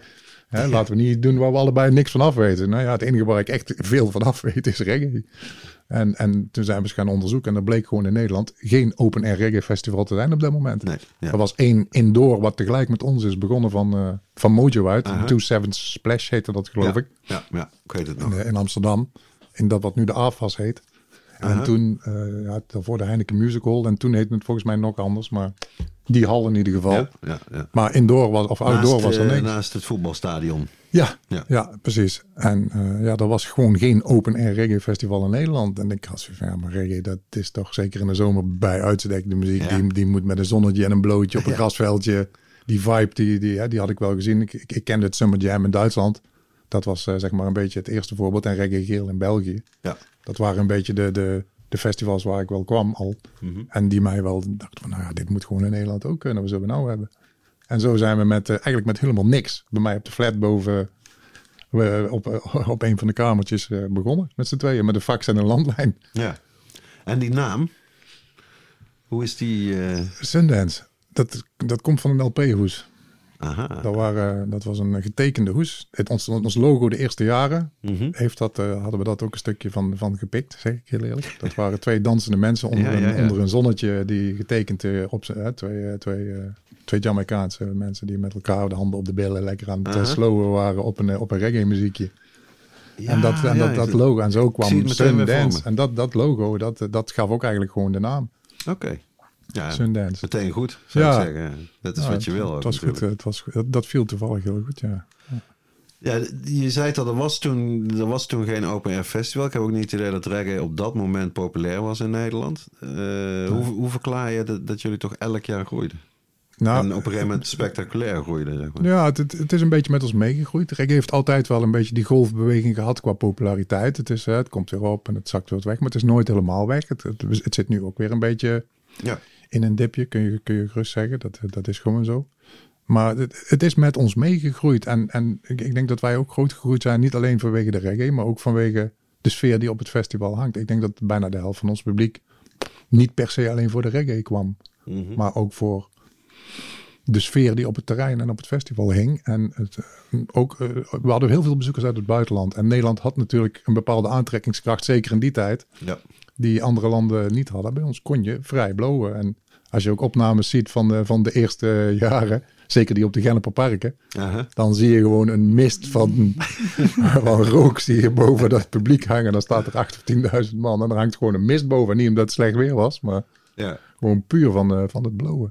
ja, want het heeft heel lang geduurd voordat daar een soort ingrijpen bij kwam dat jullie moesten gaan fouilleren. hè? Ja, dat, in Eindhoven is het eigenlijk altijd heel relaxed gebleven. Dat, daar, daar konden we het heel goed, eh, heel goed vinden. Tot we ja, helaas verplicht uit de Genneperpark eh weg moesten. Ja.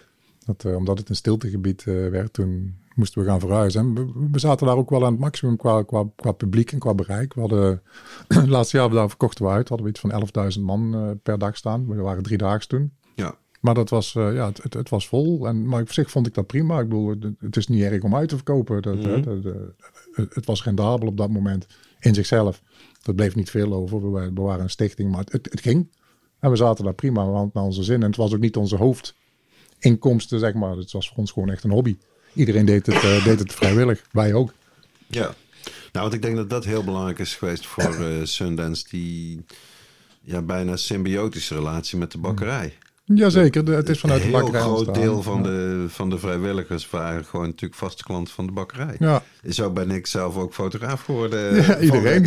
We hebben er heel wat mensen geronseld eh, in, Ja. eh, in, in de shop, absoluut. En een, heel eerlijk, een deel kwam ook uit eh, de vrijwilligerspool van Dynamo Open Air, van. Ja.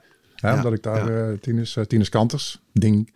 Iedereen kent Tinus Kanters natuurlijk. Ja, ik, ik ken hem zeker nog wel, maar Ja, Kanters even is, samen met André Verha- Verhuizen, geloof ik, eh, de, de oprichter van, eh, van Dynamo Open Air. En André deed dan de programmering en Tinus deed, deed de productie. Tinus is een, een bekend figuur in Eindhoven, heeft Ja. dan ook nog jaren bij de gemeente in het evenementenbeleid werkzaam geweest. Hij was ook ons contact op een gegeven moment een stukje. ja. Heeft ons ook redelijk geholpen. En ook zijn eigen festival Volkoets.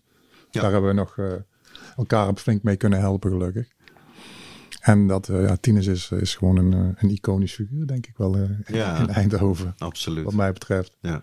Dus ons ook een van onze voorbeelden. Omdat ook zijn instelling en mentaliteit heel erg overeenkomt met hoe wij het zagen. Mhm. Het hoeft allemaal niet zo pro- profi en het hoeft niet allemaal om het geld te gaan. Het kan ook gewoon om, om iets moois neer te zetten gaan. Zo zou het gewoon eigenlijk moeten gaan, zou ik zeggen. Ja, ja, dat is tegenwoordig toch een klein beetje anders, eh, vrees ik, eh Dirk. Maar Ja, je hoort nou ook al, we hebben natuurlijk de bevrijdingsfestivals weer eh, net gehad dit jaar. En daar hoor je het ook van. Om überhaupt een gratis festival nog te kunnen doen, vrijwel onmogelijk. het is... En het ik had klasse. echt te doen met die mensen die dat organiseren. Ja, Want inderdaad, die hebben tot 70% moeten ze hebben van hun drankverkoop. Nou, als je dan zo'n weertje hebt zoals dit jaar op bevrijdingsdag met bakken, regen. Kun je het shaken. Dan ga je gewoon failliet. Ja, en dan moet er, of er moet een overheid bijspringen. Eigenlijk vind ik dat zeker met bevrijdingsfestivals. Ja, dat, zou je dat, dat ook een stukje vanuit de funding vanuit de overheid. Of, We of- krijgen al geen eh, vrij op die dag. nee, wat ook best gek is eigenlijk, als Ja. je erover nadenkt Ja, natuurlijk. vind je het nou belangrijk of vind je het niet Ja, belangrijk? hoe belangrijk vind je het nou om bevrijd te zijn? Ja, vergeleken met zeg maar de tweede Pinksterdag. En, eh, ik, kan, ik kan wel, ik kan wel een aantal dagen bedenken waar die ik een stuk minder belangrijk zou vinden dan dat. Maar misschien heeft het ook met onze leeftijd te maken, denk ik. Zou dat kunnen? ik denk dat dat ook evolueert, hè, feestdagen. We hebben tegenwoordig volgens mij, er gaat nu ook geen dag meer voorbij of we hebben een dag van iets. ja, dat is toch mooi. Ik geloof dat er geen enkele dag eh, van die 365 meer is dat we niet een dag van iets hebben. Ik, ik zal dus een keer een dag van niks. Ik wil maar willen. zeggen, daar moeten we eigenlijk een dag van. eh, Er moet van gewoon, gaan we maken. roepen ergens een dag, een dag van niks. Helemaal niks. Misschien 1 januari of zo. Ik weet niet, dat is ook vast een dag van iets. Want je hebt de dag van de poes, de dag van de hond, de dag van de, van de, van de, van de ringvinger, de Ja. dag van de pinky, de dag van de duim. Dag van de Wiet hebben we dus eigenlijk al drie, zoals net besproken in de nieuwsrubriek. Dus eh, Ja, het is typisch. Maar om terugkomen op wat je zei net, het is, eh, het is op het moment, eh kostentechnisch is het, eh, ik, ik, ik durf het woord rampzalig wel in mijn mond te nemen, ja. ja, Ja, het is echt verschrikkelijk. Het is sinds corona voorbij is, de laatste twee jaren, zeg maar. Ja, ook waarop wij weer voor de hele, teruggekeerd zijn. Ik- de hele festivalbranche. Ja, voor iedereen de kosten van de productie. De, er zijn zoveel evenementen bijgekomen. Omdat iedereen natuurlijk na, na corona dacht van... Nou, nou, iedereen heeft zin in feestjes. Bij, laten we eens wat gaan organiseren. En ja, ze kunnen het vier keer in... een- Iedereen kan zijn, die, die productioneel iets aanlevert, facilitair aan een, aan een festival... Die kan dat vier keer in een weekend wegzetten als je wil. Dus kan vragen wat hij wil. Ja, ja, ja, en doet dat ook. De, de inflatie eh, maal drie, zou ik bijna willen zeggen. Dat is, eh, dat is echt verschrikkelijk. De kosten zijn gewoon de pan uitgerezen. We hebben vorig jaar, ondanks dat we best, eh, best goed gedraaid hebben, met 5.500 bezoekers de eerste keer na een terugkeer, vonden wij helemaal niet slecht. Ja, want jullie waren zes jaar niet geweest, toch? Ja, Ja. ja. en, en, en 5.500 bezoekers vonden wij, eh, hadden we van tevoren niet, eerlijk gezegd nog niet eens op, op durven rekenen. Maar toch een ruim tekort gedraaid. Gewoon puur omdat, het, eh, omdat de kosten veel te hoog waren. En wij nog met een redelijk lage ticketprijs hadden ingezet. Ja, ja.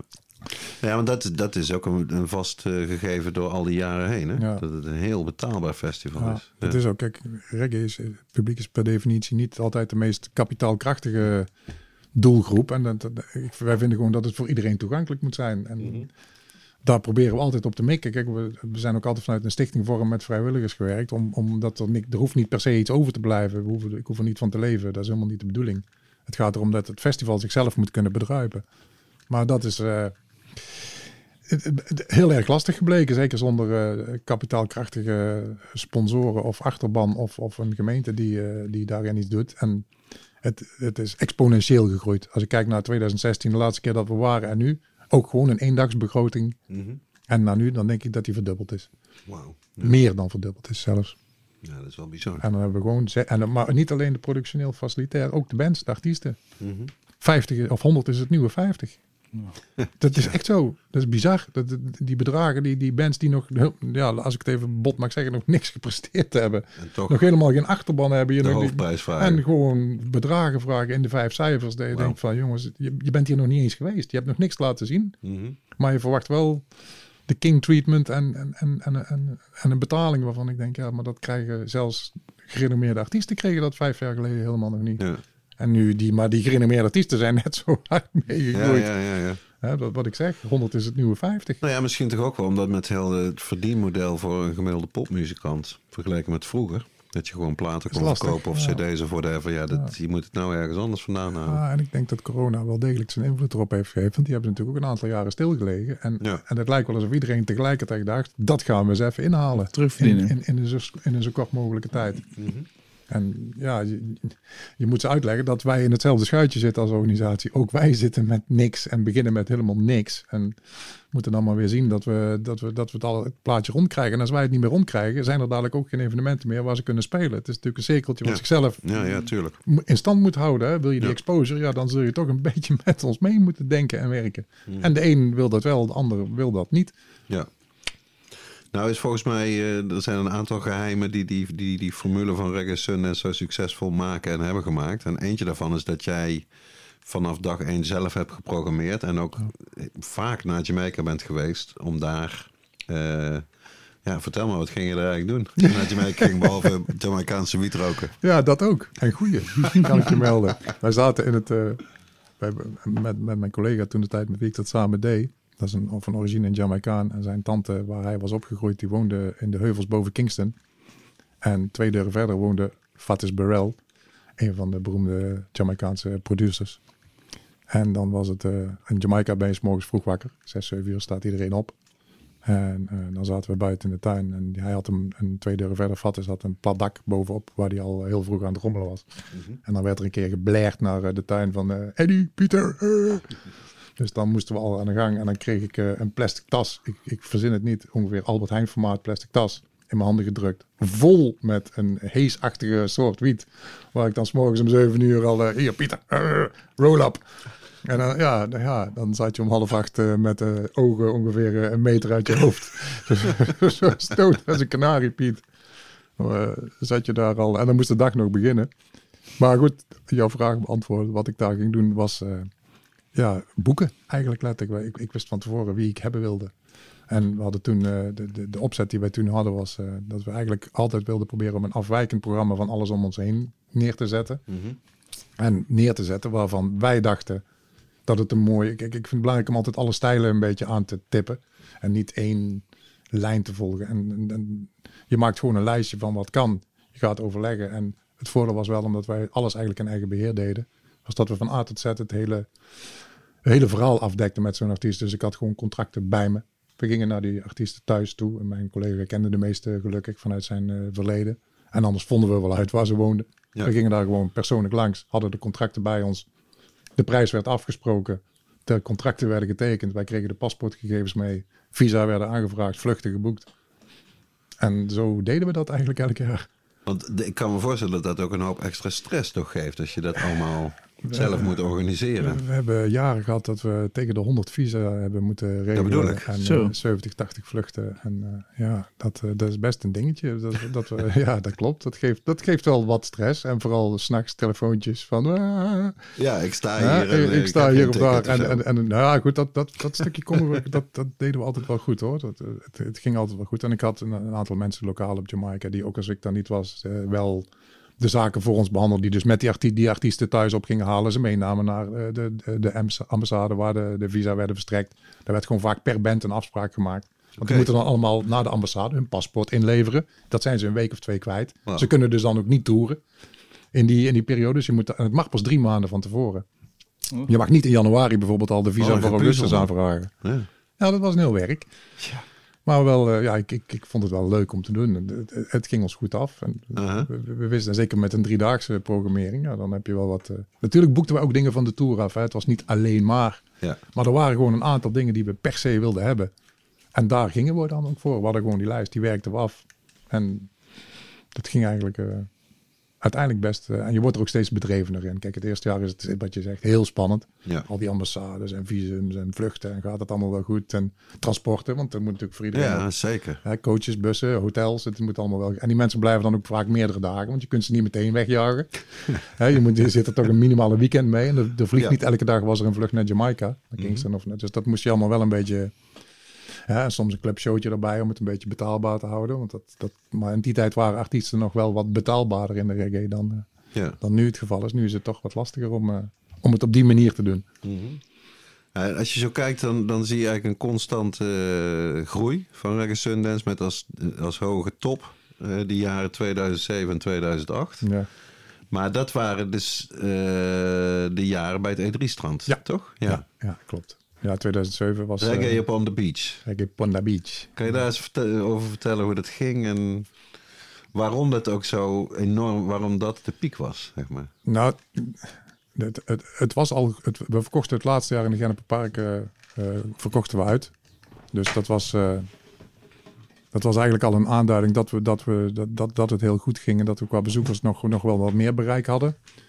En toen zijn we, eh, kregen we te horen dat we weg moesten uit Eindhoven. En toen zijn we gaan, gaan, gaan bedenken, goed, waar, waar kunnen we heen? Waar, waar kunnen wij het concept zoals wij dat voor ogen hebben, het beste neerzetten? En, en, en met onze ervaringen, wat, waar kunnen we? Want Kennepenpark was natuurlijk wel een, een terrein waar we alles neer moesten zetten. Dat was niks. Ja. Geen water, geen stroom, helemaal niks. Dat was gewoon een grasveld. En alles moest er aangelegd worden. En het E3 had eh, al, al wat eerder wat evenementen gehad. En bleek voor ons, eh, omdat in Eindhoven zelf was er gewoon geen, geen plek waar je drie dagen met camping eh, een festival mocht organiseren. Ja. Dus we moesten Eindhoven uit. En we kwamen op het E3, nou, eh, aangevraagd en met de, de eigenaar daar een, een, een, deal gesloten. Naar E3 verhuisd. En dat bleek bezoekerstechnisch voor, voor zeker, want we, de, meer dan de helft van ons publiek komt uit het buitenland in die tijd. Moet je je realiseren. En dat heb ik niet alleen over België en Duitsland, maar ook over Frankrijk, Spanje, Engeland en nog verder weg. Mensen kwamen echt van heinde en verre Ja. om te kamperen. En die plek aan het water bij het E3, waar we toen die camping hadden opgezet, dat was natuurlijk een Magisch. trekpleister van, eh, van, van Jewels. Dat zag er gewoon prachtig uit. Ja, was super. En ja, de reden waarom we in 2007 die, die Big Bang eh, gemaakt hebben, was natuurlijk wel eh, de buzz die we zelf ook een beetje gecreëerd hebben. Omdat we met een vrij bijzondere show in die tijd bezig waren. Dat was eh Jacure was eh, Ja. in die tijd nog eh, een heel controversieel eh, En dat verhaal. was, was zijn eerste optreden nadat hij, eh, nadat hij uit de bak kwam, toch? ja, ja, hij was eh, veroordeeld. Maar Ja, Jack Cure, eh, ja, toen was het eigenlijk de hotste naam in de reggae, zo'n Ja. beetje, toch? Nou, en hij was, hij was veroordeeld, maar naar mening van heel velen onterecht of niet. Het was een vaag verhaal. Dat klopt ook. Het was in die tijd een vaag verhaal. Het, het, het, speelde en hij zat voor een hele lange tijd was hij opgesloten. En wij kregen toevallig, kwam mij ter oren dat hij in 2007, ergens in 2007, naar zijn vrijlating eh, tegemoet kon zien. Dus wij waren in januari eh, waren we op Jamaica om ons gebruikelijke ding te doen. En toen zijn we in gesprek geraakt met eh, Tony Rebel Uh-huh. bekende artiest ook op Jamaica, maar ook eh, Justice of the, Sheriff of the Peace of Justice of the Mhm. Peace heet dat. Dat is een beetje een soort een rol van, van een, een publiek persoon, gewoon een normaal eh, burger, die een beetje een verbinding is tussen eh, de, de, justitie en, en de burgers. En die dus ook uh, Jacques opzocht elke week in de, in de baais. Oké. En, want hij mocht daar dus zijn plaatjes ook op blijven nemen. Hij heeft, heeft gewoon geproduceerd Ja, ja, vanuit, was eh, bizar, vanuit de. En hij was een beetje de, ons eerste contact daarin. En heeft contact gelegd met Jacques. Toen bleek dus dat hij echt net drie weken voor Sundance eh, vrijgelaten zou worden. En nou ja, visum aanvragen en, en van iemand die net uit de bak komt, dat is, dat is, dat is dan toch een ander verhaal. Ja. Want dat, die man heeft geen paspoort, want dat is in beslag genomen. Natuurlijk, hij zit in de baais. dus, en het was januari, dus we zijn gaan overleggen hoe, hoe kunnen we het fixen dat, dit, eh, dat we dit wel voor elkaar gaan krijgen. Want dit willen wij natuurlijk gewoon. Wij willen die eerste show in Europa. Sterker nog, wij willen gewoon zijn eerste show ooit weer. Ja. En hoe gaan we dat fixen? En Tony Rebel is daar heel belangrijk in geweest, moet ik, eh, moet ik eh, heel eerlijk zeggen. Die heeft het contact gelegd met Cure. Cure was, stond daar zelf ook wel voor open. Want kijk, laten we eerlijk zijn, in, in- Jamaica waren toen de tijd de bedragen voor een show echt niet om over naar huis te schrijven. En hij zag het ook wel zitten. En Sundance had toen natuurlijk een hele goede reputatie. Ja. Iedereen kende ons, iedereen kende mij. Ja. En, en Tony Rebel was een betrouwbaar iemand die als die zei, hey, zo is het, dan, dan was het ook zo. Dat werd door Cure dan ook wel aangenomen. En we hebben eh, eh, bereikt dat hij in ieder geval toezei van, nou goed, als het allemaal geregeld wordt, dan, Dan kom doe ik het ook. Dan kom ik het bij jullie Ja. doen. En dan had je Dean Fraser en eh, de band van Dean Fraser, Dean Fraser, bekende saxofonist, die dan akkoord was om de, om de backing band te gaan doen. Dus alle nummers van Cure werden al ingestudeerd, terwijl hij nog vast zat. En het verhaal, eh, ja, eh, dat heeft, moet ik eerlijk Tony Rebel nageven. Die, hoe hij het gefixt heeft, heeft hij het gefixt. Maar er stond een visa-stempel in het paspoort toen hij het terugkreeg toen hij vrijkwam. Terwijl je normaal gesproken echt naar een ambassade Ja, toe moet om, ja, om een visum op te halen. Maar het stempel stond erin. Ik, ik, weet niet exact de details hoe. er is ook niet, het is niet over geld eh, gegaan, want het is, het is ook niet Uh-huh. afgekocht of zo. Nee. Dat, want dat denken mensen dan nog wel eens. Maar dat is niet het verhaal. Het verhaal kwam gewoon, het is geregeld. Ja. En het, het stempel stond er dus in toen hij vrijkwam. Hij heeft, eh, hij heeft geoefend. En eh, we hebben het visum überhaupt om, om een Schengen visum te krijgen terwijl je vastzit, is, is, vind ik al vrij bijzonder. Ja. Maar het, was, het is dus gelukt. Hij, is vrijgekomen. Hij heeft een week gerepeteerd met, met de band, met Dean Fraser. En is eh, op het vliegtuig gestapt. Maar goed, die bus. Wij wisten natuurlijk pas heel kort van tevoren. We hebben het ook als surprise act. En ik had, ik had wel iets achter de hand voor het geval dat het niet zou Ja, dat lukken. dacht ik net al aan. Dat moet je dan We natuurlijk hebben hem als surprise act eh, hebben we hem gehouden. Dus, de- maar we hebben wel, eerlijk is eerlijk, ook zelf natuurlijk wel wat buzz. Ja. Rond, zo, dus het zong wel rond wie het zou zijn. Iedereen zo'n beetje wist wel van oké, dat gaat Jacques zijn, dat gaat Jacques zijn. maar we konden het nog niet Bevestigen. bevestigen. Ja. Zo voordat we, pas op het moment dat hij vrij kwam, dat was geloof ik drie of zo, drie weken van tevoren, toen eh, de, de visumstempel erin stond, hij kwam vrij, echt daadwerkelijk vrij. Hij stond op straat, de vluchten waren geboekt. Toen zeiden oké, nu kunnen we hem aankondigen. En dat was eerlijk ook in de ticket sales, dat was echt boom. Wauw. Dat, dat, was, dat Ja. was gigantisch. We hebben- Het is vol- vol- volgens mij voor het eerst dat we flauwvallende meisjes voor het podium hebben, hebben Ja, ik weet ook nog wel, ik heb dus al heel lang het privilege om ook vanaf het podium te kunnen fotograferen bij eh Sundance. En dat is denk ik wel een van de, zo niet het hardste applaus wat ik ooit Ja. heb gehoord toen iemand opkwam. Niet alleen het hardste applaus. Ik, ik, ik ben dus ook altijd zelf... Waar wij het voor doen is, is om mensen gewoon een mooie dag te bezorgen. Daar krijgen wij ook de energie van om het een jaar gratis te doen. Zo werkt dat nou eenmaal. En dat, daar krijgen wij ook de energie weer van terug. Van het publiek en de blijdschap van mensen. En ik, wij stonden op het podium. En dat is echt voor het allereerst in al die jaren... en ik heb het daarna ook nooit meer gehad... dat er bijna een fysieke golf, Ja, drukgolf... Ja, vanaf ja, het publiek kwam... Toen hij opkwam, je werd bijna letterlijk teruggeduwd zo op het podium. Van, Ja. Wat gebeurt hier? Ik, ik, dat heb ik echt nooit meer gevoeld. Ja, heel dat, was heel apart, dat was echt heel apart. Je werd letterlijk kreeg je gewoon een drukgolf Ja. van eh, toen hij opkwam. Dat was wel heel apart. Maar als je kijkt door de jaren heen, het is, eh, ja, het is een cliché, maar het is zo. De who's who van reggae. Iedereen die nog leeft, zeg maar, die ertoe doet in de reggae, die is wel bij jullie op het podium geweest. En Ja. vaak meer dan eens ook nog. Hè? Ja. Want zijn er nou artiesten die je zeg maar, op jouw verlanglijst hebt of had bij, bij wie het nooit gelukt is? Dat moet toch ook wel? Jawel, jawel. zeker in, in de toptijd uh, Damien Marley vind ik jammer. Daar hebben we wel een, eh, toch een aantal keer eh, wel heel veel moeite ja. voor gedaan. Maar ja, het woord mojo komt dan even op Ah, ja. tafel. En dat is lastig. om het maar eens voorzichtig te zeggen. Zeker in die tijd. Nu is het anders. Maar toen was dat echt een, een issue. Ja, Die vonden dat gewoon niet goed. wauw. En eh, Wat kinderachtig zeg. ja, het is toch gebeurd. Een Ja. aantal keren dat het gewoon... eh, Want zij, doen zij zelf nou überhaupt nog een reggae festival? Zijn ze hem opgehouden? Ja, ze, ze, ze leveren. Hè? Hmm. natuurlijk. Maar ze doen de Two Sevens en zo, dat is niet meer... eh, Doen ze niet ze meer. doen wel production bij, eh, ik geloof bij, bij, bij Reggae Lake doen ze het een en ander in Oh Amsterdam. ja. ja. Dus, eh, en, en shows, hè. ze doen vooral clubshows. Paradiso is natuurlijk een van hun vaste clubs waar ze heel veel neerzetten. Ja, Damien Mali afgelopen jaar nog, hè, dat we die eigenlijk wilden hebben.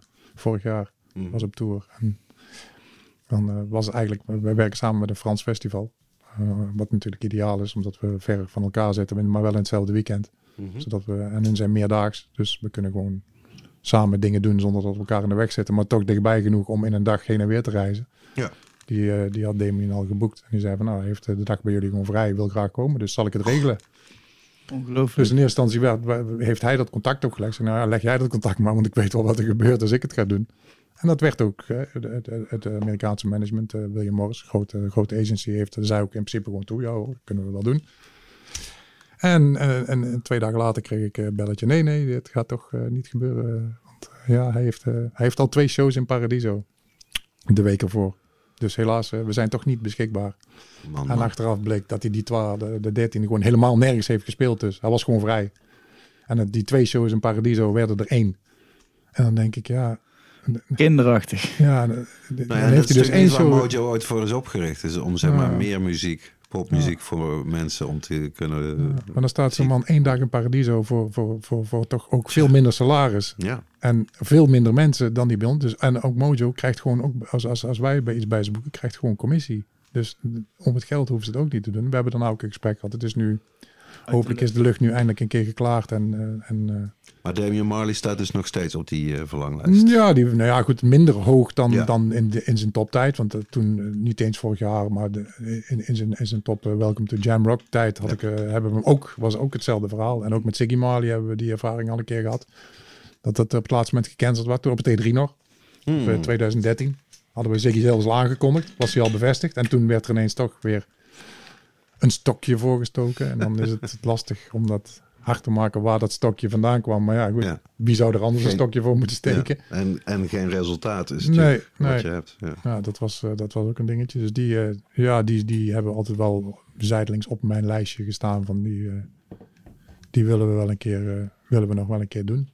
En wat opvalt door de jaren heen, ik geloof de allereerste editie eh, dat Beef, de Nederlandse reggae-band, eh, op het podium heeft gestaan bij Reggae Sundays. Maar eigenlijk zelden of nooit Nederlandse eh, of Belgische bands, toch? Goeie bands. En die zijn niet of, of nauwelijks te vinden? Mm, in, in die tijd had je een paar prima bands, maar die hebben eigenlijk ook allemaal wel eh, bij ons Ja. op het podium gestaan. Hè? De Newborn Creations, Five for Vibes had je toen, eh Champara had je toen. Die hebben allemaal wel bij ons op het podium gestaan. Nu is, ik, ik, ik vind nu, de- moet ik zeggen, Samora ontwikkelt zich goed. Dat, eh, Mhm. die, die, die zie ik nog wel een keer bij ons staan. Maar eh, voor de rest, ja, heb je wel veel... Het, het hikt er allemaal net tegenaan nog. Ik, ik, ik, ik vind, kijk, je moet wel, een, ook al ben je dan openings, de opener vaak is dat, hè, de Nederlandse band. Het, er, moet wel, iets- er moet wel iets staan waarvan het moet wel kloppen. Het moet wel klinken en het moet Ja. wel passen. En nu is het, de laatste jaren is het wat lastiger om, om gewoon een goede Nederlandse band eh, te vinden. Dat zeg ik Mhm. heel eerlijk. Daarvoor waren er wel. eh, er zijn leuke ska-bands en dat, dat is allemaal wel zo. Maar het is, het is het, het- voor mij, maar ik, ik ben ook heel. Ik, kieskeurig zou ik niet zeggen, maar ik, ik ben wel. eh, ik, ik weet wel precies van, oké, dit wil ik wel, dit, dit, Ja, ja. mm, ah, ja. dit vind ik lastig. En dan ben ik misschien te Uit- daarin. Uitgesproken. Ja, maar misschien ook wel een beetje te. Ik, moet- ik, ik moet dat en te anaal zeggen ze dan. hè. ik moet dat af ook een beetje loslaten. Want Ja. wat, ik mooi vind, hoeft helemaal niet noodzakelijk te zijn. Want daar moet ik altijd wel een beetje Ja. proberen aan Ja. na te kijken. Van ja, ik kan het wel mooi vinden. Maar het, het gaat er niet om of ik het mooi vind. Niet alleen in ieder geval. Ja, maar ik kan me voorstellen dat het heel lastig is. Ik heb dat zelf natuurlijk een beetje gedaan met eh, de programmering van Cannabis Bevrijdingsdag, die negen edities. Maar ja, je wil toch... Ik denk als je te veel uitgaat van wat jij denkt dat het publiek wil hebben, dan zit je ook fout. Dan zit je misschien nog wel meer doen. fout. Dat moet je niet doen. Je moet niet, Ja. denken, je moet niet voor het publiek gaan denken. Nee, want dat- wat ik zeg, de helft komt niet eens voor, de, voor, de, voor, voor een specifieke... en Zeker in reggae, er zijn...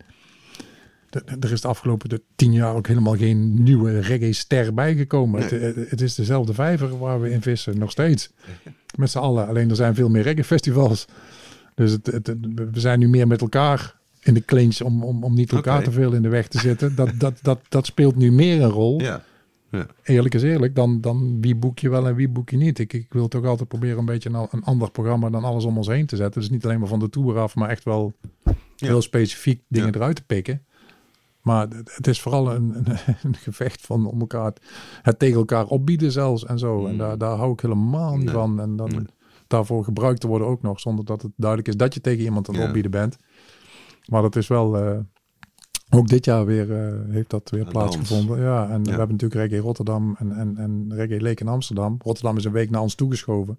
Zit nu twee weken voor ons. Mhm. Het Leek zit een week na ons. Dus het is allemaal ook nog een beetje, wat er in die tijd op toer, dat is allemaal toch een beetje hetzelfde, Ja. Ja. dezelfde, dezelfde vijver. En, en, en, en dan wordt er toch snel met, eh, omdat die natuurlijk allebei wel wat groter zijn qua publiek, dus ook wat meer. En Rotterdam heeft ook een, kennelijk een hele financiële Mhm. backing, waar ik, nou ja goed, die, waar die vandaan komt weet ik niet, maar die hebben ze. Ja. Waardoor zij gewoon bedragen kunnen, kunnen bieden waar, waar wij gewoon niet tegenop kunnen. Dat, dat is gewoon zo. Nu in ieder geval niet op dit moment. Ja. Dus doe ik de moeite ook niet en probeer ik maar gewoon om een mooi programma, een mooi divers programma neer te zetten met goede, kwalitatief goede acts die niet overal staan. En een headliner moet erboven. Dat, Nou, ik moet je zeggen, Per, je maakt het mij weer ontzettend moeilijk. Want ik was dit jaar dan van plan om eindelijk een keer naar de Hanfparade te gaan in Berlijn. Die al sinds jullie alle twee bestaan, volgens mij, op dezelfde Ja. eh, zaterdag altijd is. dat klopt. En eh, nou ja, we hadden het in een nieuwsrubriek erover hoe in Duitsland al dit jaar, dus misschien zelfs al in augustus, mensen gewoon hè, wiet mogen hebben legaal. Ja, dan zou ik toch wel erg graag naar de Hanfparade gaan. Waren het niet dat jij er weer in bent geslaagd om als headliner eh, Burning Spear neer te zetten. En ja. dat is zo... Ik zei, het, ik zei het hier ook al, Burning Spear. Epic. Ja die, ja, die moet je eigenlijk gewoon zien. Die moet je zien. Zoals jij ook zei dat je die drie keer bent gaan kijken, die oorspronkelijk, omdat het zo'n indruk maakt. Daar kan ik me alles bij voorstellen. Dennis Dus, Spier is eh, een, living legend. dus ik zou Echt. bijna denken van, eh, misschien moet het nog eventjes een paar maandjes extra duren in Duitsland, zodat de volgende Hanfparade de Epic editie wordt en niet deze. Maar goed, dat moeten we dan nog even afwachten. Ja, sorry Dirk. Ik, ik, ik zal de volgend jaar wat rekening met je houden. Goed. Eventjes terug naar de, naar de bakkerij. Ehm, ik heb het eventjes opgezocht. Tussen 1977 en 2011 eh, stond Frank Reinaerts daar aan het roer van de bakkerij. 2011? Nee. Ah, nou, correct me if I'm wrong. I correct you. Vroeger. I correct you. Ja, wij hebben het in 2006. Heb ik het over. Oké. Op papier ook. Maar, maar goed, jij... jij Hij was er nog hem- wel, maar hij, deed een, eh, hij, had een heel andere rol in die tijd. Daarna. Hmm. In 2006 hebben wij het overgenomen. Oké. Jij hebt natuurlijk sowieso dan wel jarenlang natuurlijk met hem samengewerkt. Wat- Zeker. Kan je hem eens even kort omschrijven voor mensen die hem niet eh, hebben meegemaakt? Frank is ja, bijna net zo legendarisch als Tinus Kanters, zou ik eh, op zijn manier zou ik willen zeggen. Frank is, eh, is een geweldige kerel. Was een geweldige Is eigenlijk nog steeds een geweldige kerel, ook al is hij er niet meer. Ehm, Frank is een, is een geval apart. Is, eh, de op, heeft samen met... eh ben even snel met de, de- het begijntje opgericht natuurlijk. Dat was eigenlijk de eerste koffieshop in Eindhoven. En toen hebben ze besloten om uit elkaar te gaan. Toen is hij begonnen met de bakkerij in het jaartal wat je net noemde. En Frank is gewoon een oude hippie eigenlijk in de basis. Zo kun je hem het makkelijkst omschrijven. Is Ja. hij ook altijd gebleven in zijn hart. Volgens Uh-huh. mij. Volgens mij is het nooit veranderd. Hij heeft alleen zijn haar afgeknipt. En eh, Frank is een, is, is, is een hele is een gevoelsmens. Echt een gevoelsmens. En deed veel meer op intuïtie dan eigenlijk op iets anders. Hij was eh, heel onderlegd. Hij was, eh, ik denk, stond heel goed bekend ook bij de gemeente. Kon daar dingen voor elkaar krijgen die best bijzonder waren, zeg maar. Hij had daar een hele goede relatie mee met al die gemeentemensen. En ehm, de eerste keer dat ik hem zag, hij, hij, besluit, hij kan dingen, hij is wat dat betreft wel een beetje zoals ik. Hij kan in drie seconden iets besluiten. Van ja, dit gaan we zo doen. En dan is dat ook zo. Ja. Hij deed heel veel op gevoel en op intuïtie. En dat, dat herken ik er wel een beetje in. En misschien dat we daarom ook juist zo goed klikten. Want we, we lagen elkaar. Daar Ja. kwam het op neer. Ik wilde, ik, het was helemaal niet de intentie van mij om ooit de bakkerij over te nemen. Ik werkte daar als dealer en ik eh, organiseerde festival. En ik deed toen ook nog dat beveiligingsdingetje erbij. Ik had genoeg te doen. Ja. En ik vermaakte me prima en ik kwam niks tekort. Dus ik vond het eigenlijk wel goed zo. Alleen toen kwam eh, het verhaal was dat eh, de bedrijfsleider, toen normaal, toenmalige bedrijfsleider, die, die ging iets anders doen. En ik zag dat hij aan het worstelen was daarmee, want hij moest een nieuwe bedrijfsleider hebben. En dat, ik, ik, ik zag hem worstelen. Dus ik heb eigenlijk toen alleen tegen hem gezegd, nou, als je er echt niet uitkomt, dan hoor ik het wel.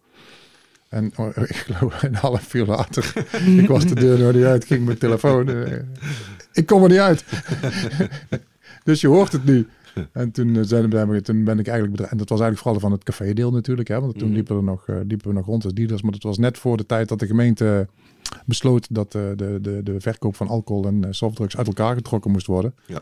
Dus toen moest er een ombouw gaan plaatsvinden waarin we dus een, een, een shopgedeelte apart gingen maken. Echt met een balie en Ja. Dat, eh, dat verhaal. En zo is, eh, zo is de apotheker eh, toen geboren. Ik heb dat vooral talloze keren verteld, met name in het buitenland, tegen blowende vrienden. Dat je dus inderdaad, je komt het café in en omdat de regel is dat er geen alcohol gekocht mag worden en wiet tegelijk, zit er dan nog een deur, meteen links, Ja. met een klein hokje, wat een apart straathuisnummer heeft. Want het was ook hè, A en B. Ja. En eh, zo is het opgelost. Iedereen blij. De bureaucraten blij. En de blowers blij. En de bakkerij blij. Ja, nou ja, het, het, het bleek achteraf een gouden zet, gek genoeg. Ja, Want het was, kijk natuurlijk met die huisdealers, dat, ja, voor, voor een, sommige mensen is dat natuurlijk toch een beetje Drempel. schimmig ook. Hè? Ja. Zo, zo'n huisdealer die je dan aan moet spreken voor je zakje wiet. En die staat dan achter die klapdeurtjes en die loopt dan even weg en die komt terug met een zakje en hier. ja, dat, dat, hè, voor, een aantal heel, heel normaal en gewoon omdat je eraan gewend was. Maar voor, voor mensen die naar een koffieshop dachten te komen, ja. Hè, vooral buitenlandse bezoekers, wat je zegt, of van verder weg, die, die, die dat concept eigenlijk helemaal niet kennen van een huisdealer, zag het er toch een beetje, ja, schimmig is misschien niet het goede woord, maar wel een beetje vaag uit. ja, in ieder geval raar. Ja. Ja, hè, niet, niet helemaal gebruikelijk. En eerlijk is eerlijk, op het moment dat we die scheiding eh, hadden gemaakt, en ook, ik, ik moet zeggen, het, het was wel een schot in de roos ook hoe, met, met dat oude apothekersinterieurtje. Ja, dat het paste mooi. wel echt bij de bakkerij. Ja. Dat, dat, dat was gewoon zo. Het was ook weer stom toeval. ik- Een, een kameraad van me die zei van... Hey, heb jij toevallig ik heb toevallig een heel mooi oud apothekersinterieur op de kop getikt. Is dat niks voor jou?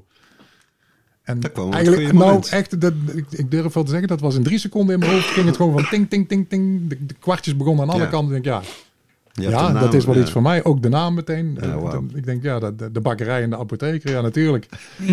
ja, dat, dat, dat kan gewoon niet anders. Zo, zo, het moet zo zijn. En het, was, eh, het, het heeft vanaf het begin eh, heel goed gewerkt. Omdat het, eh, ja, of zoals je zegt, het, het, het- je loopt door één deur naar binnen en dan ga je rechts de kroeg in of links de shop in. Dus er veranderde eigenlijk heel weinig, behalve dan dat er nu een balietje stond en dat er En dan ook nog natuurlijk met het grote terras erbij. waar, ja, waar Ja, veel discussie met de gemeente regelmatig over was. Van, mogen we we daar nou wel of niet blowen? We hebben inderdaad een goede tijden Oh, gehad. joh, de raam open. Ja, heerlijk. Ja, heerlijk was het. We hadden een hele grote open schuifraam in de, in de bakkerij. Waar je gewoon in kon zitten. En dan met je beentjes buiten. Met je biertje in de ene. Want het mocht wel niet samen verkocht worden. Maar over het samen consumeren Ja, precies. is nooit gesproken. Nou, en wat zo mooi was, is dat je gewoon daar naartoe kon gaan. Ook met mensen die absoluut niet bloden. En waarschijnlijk niet met, met jou naar een koffieshop zouden zijn gegaan. Maar die prima vonden natuurlijk gewoon bij de bakkerij. eh, joh, dan neem ik mijn ditje, mijn datje, wat je maar wil. Het, alles zat daar samen. En de bakkerij kwam. Dat kun je echt zeggen. Dat zeggen mensen vaak wel eens zo, zo om het maar te zeggen. Iedereen kwam er van, eh, van 8 tot 80 en alle rangen en standen. Maar bij ons kwamen ze echt allemaal van alle rangen en standen. Ja, ik ben natuurlijk ook, ook al jaren geweest met mijn twee eh, oudste zonen om te komen flipperen. En eh, ja, heerlijk gewoon. Ja, precies. Altijd goed. En ook het soort omgeving waar ik juist graag mijn kinderen in eh, Ja, wil laten vertoeven. Snap je? ja. Juist door dat hele diverse, multiculturele, maar ja, wat je zegt ook leeftijd, al die dingen. En toleranten. Ja, Iedereen mocht daar, kon daar zichzelf zijn. En dat, dat, is- dat was wel denk ik een van de uniekste eigenschappen van de bakkerij. Ja. Iedereen was daar zichzelf.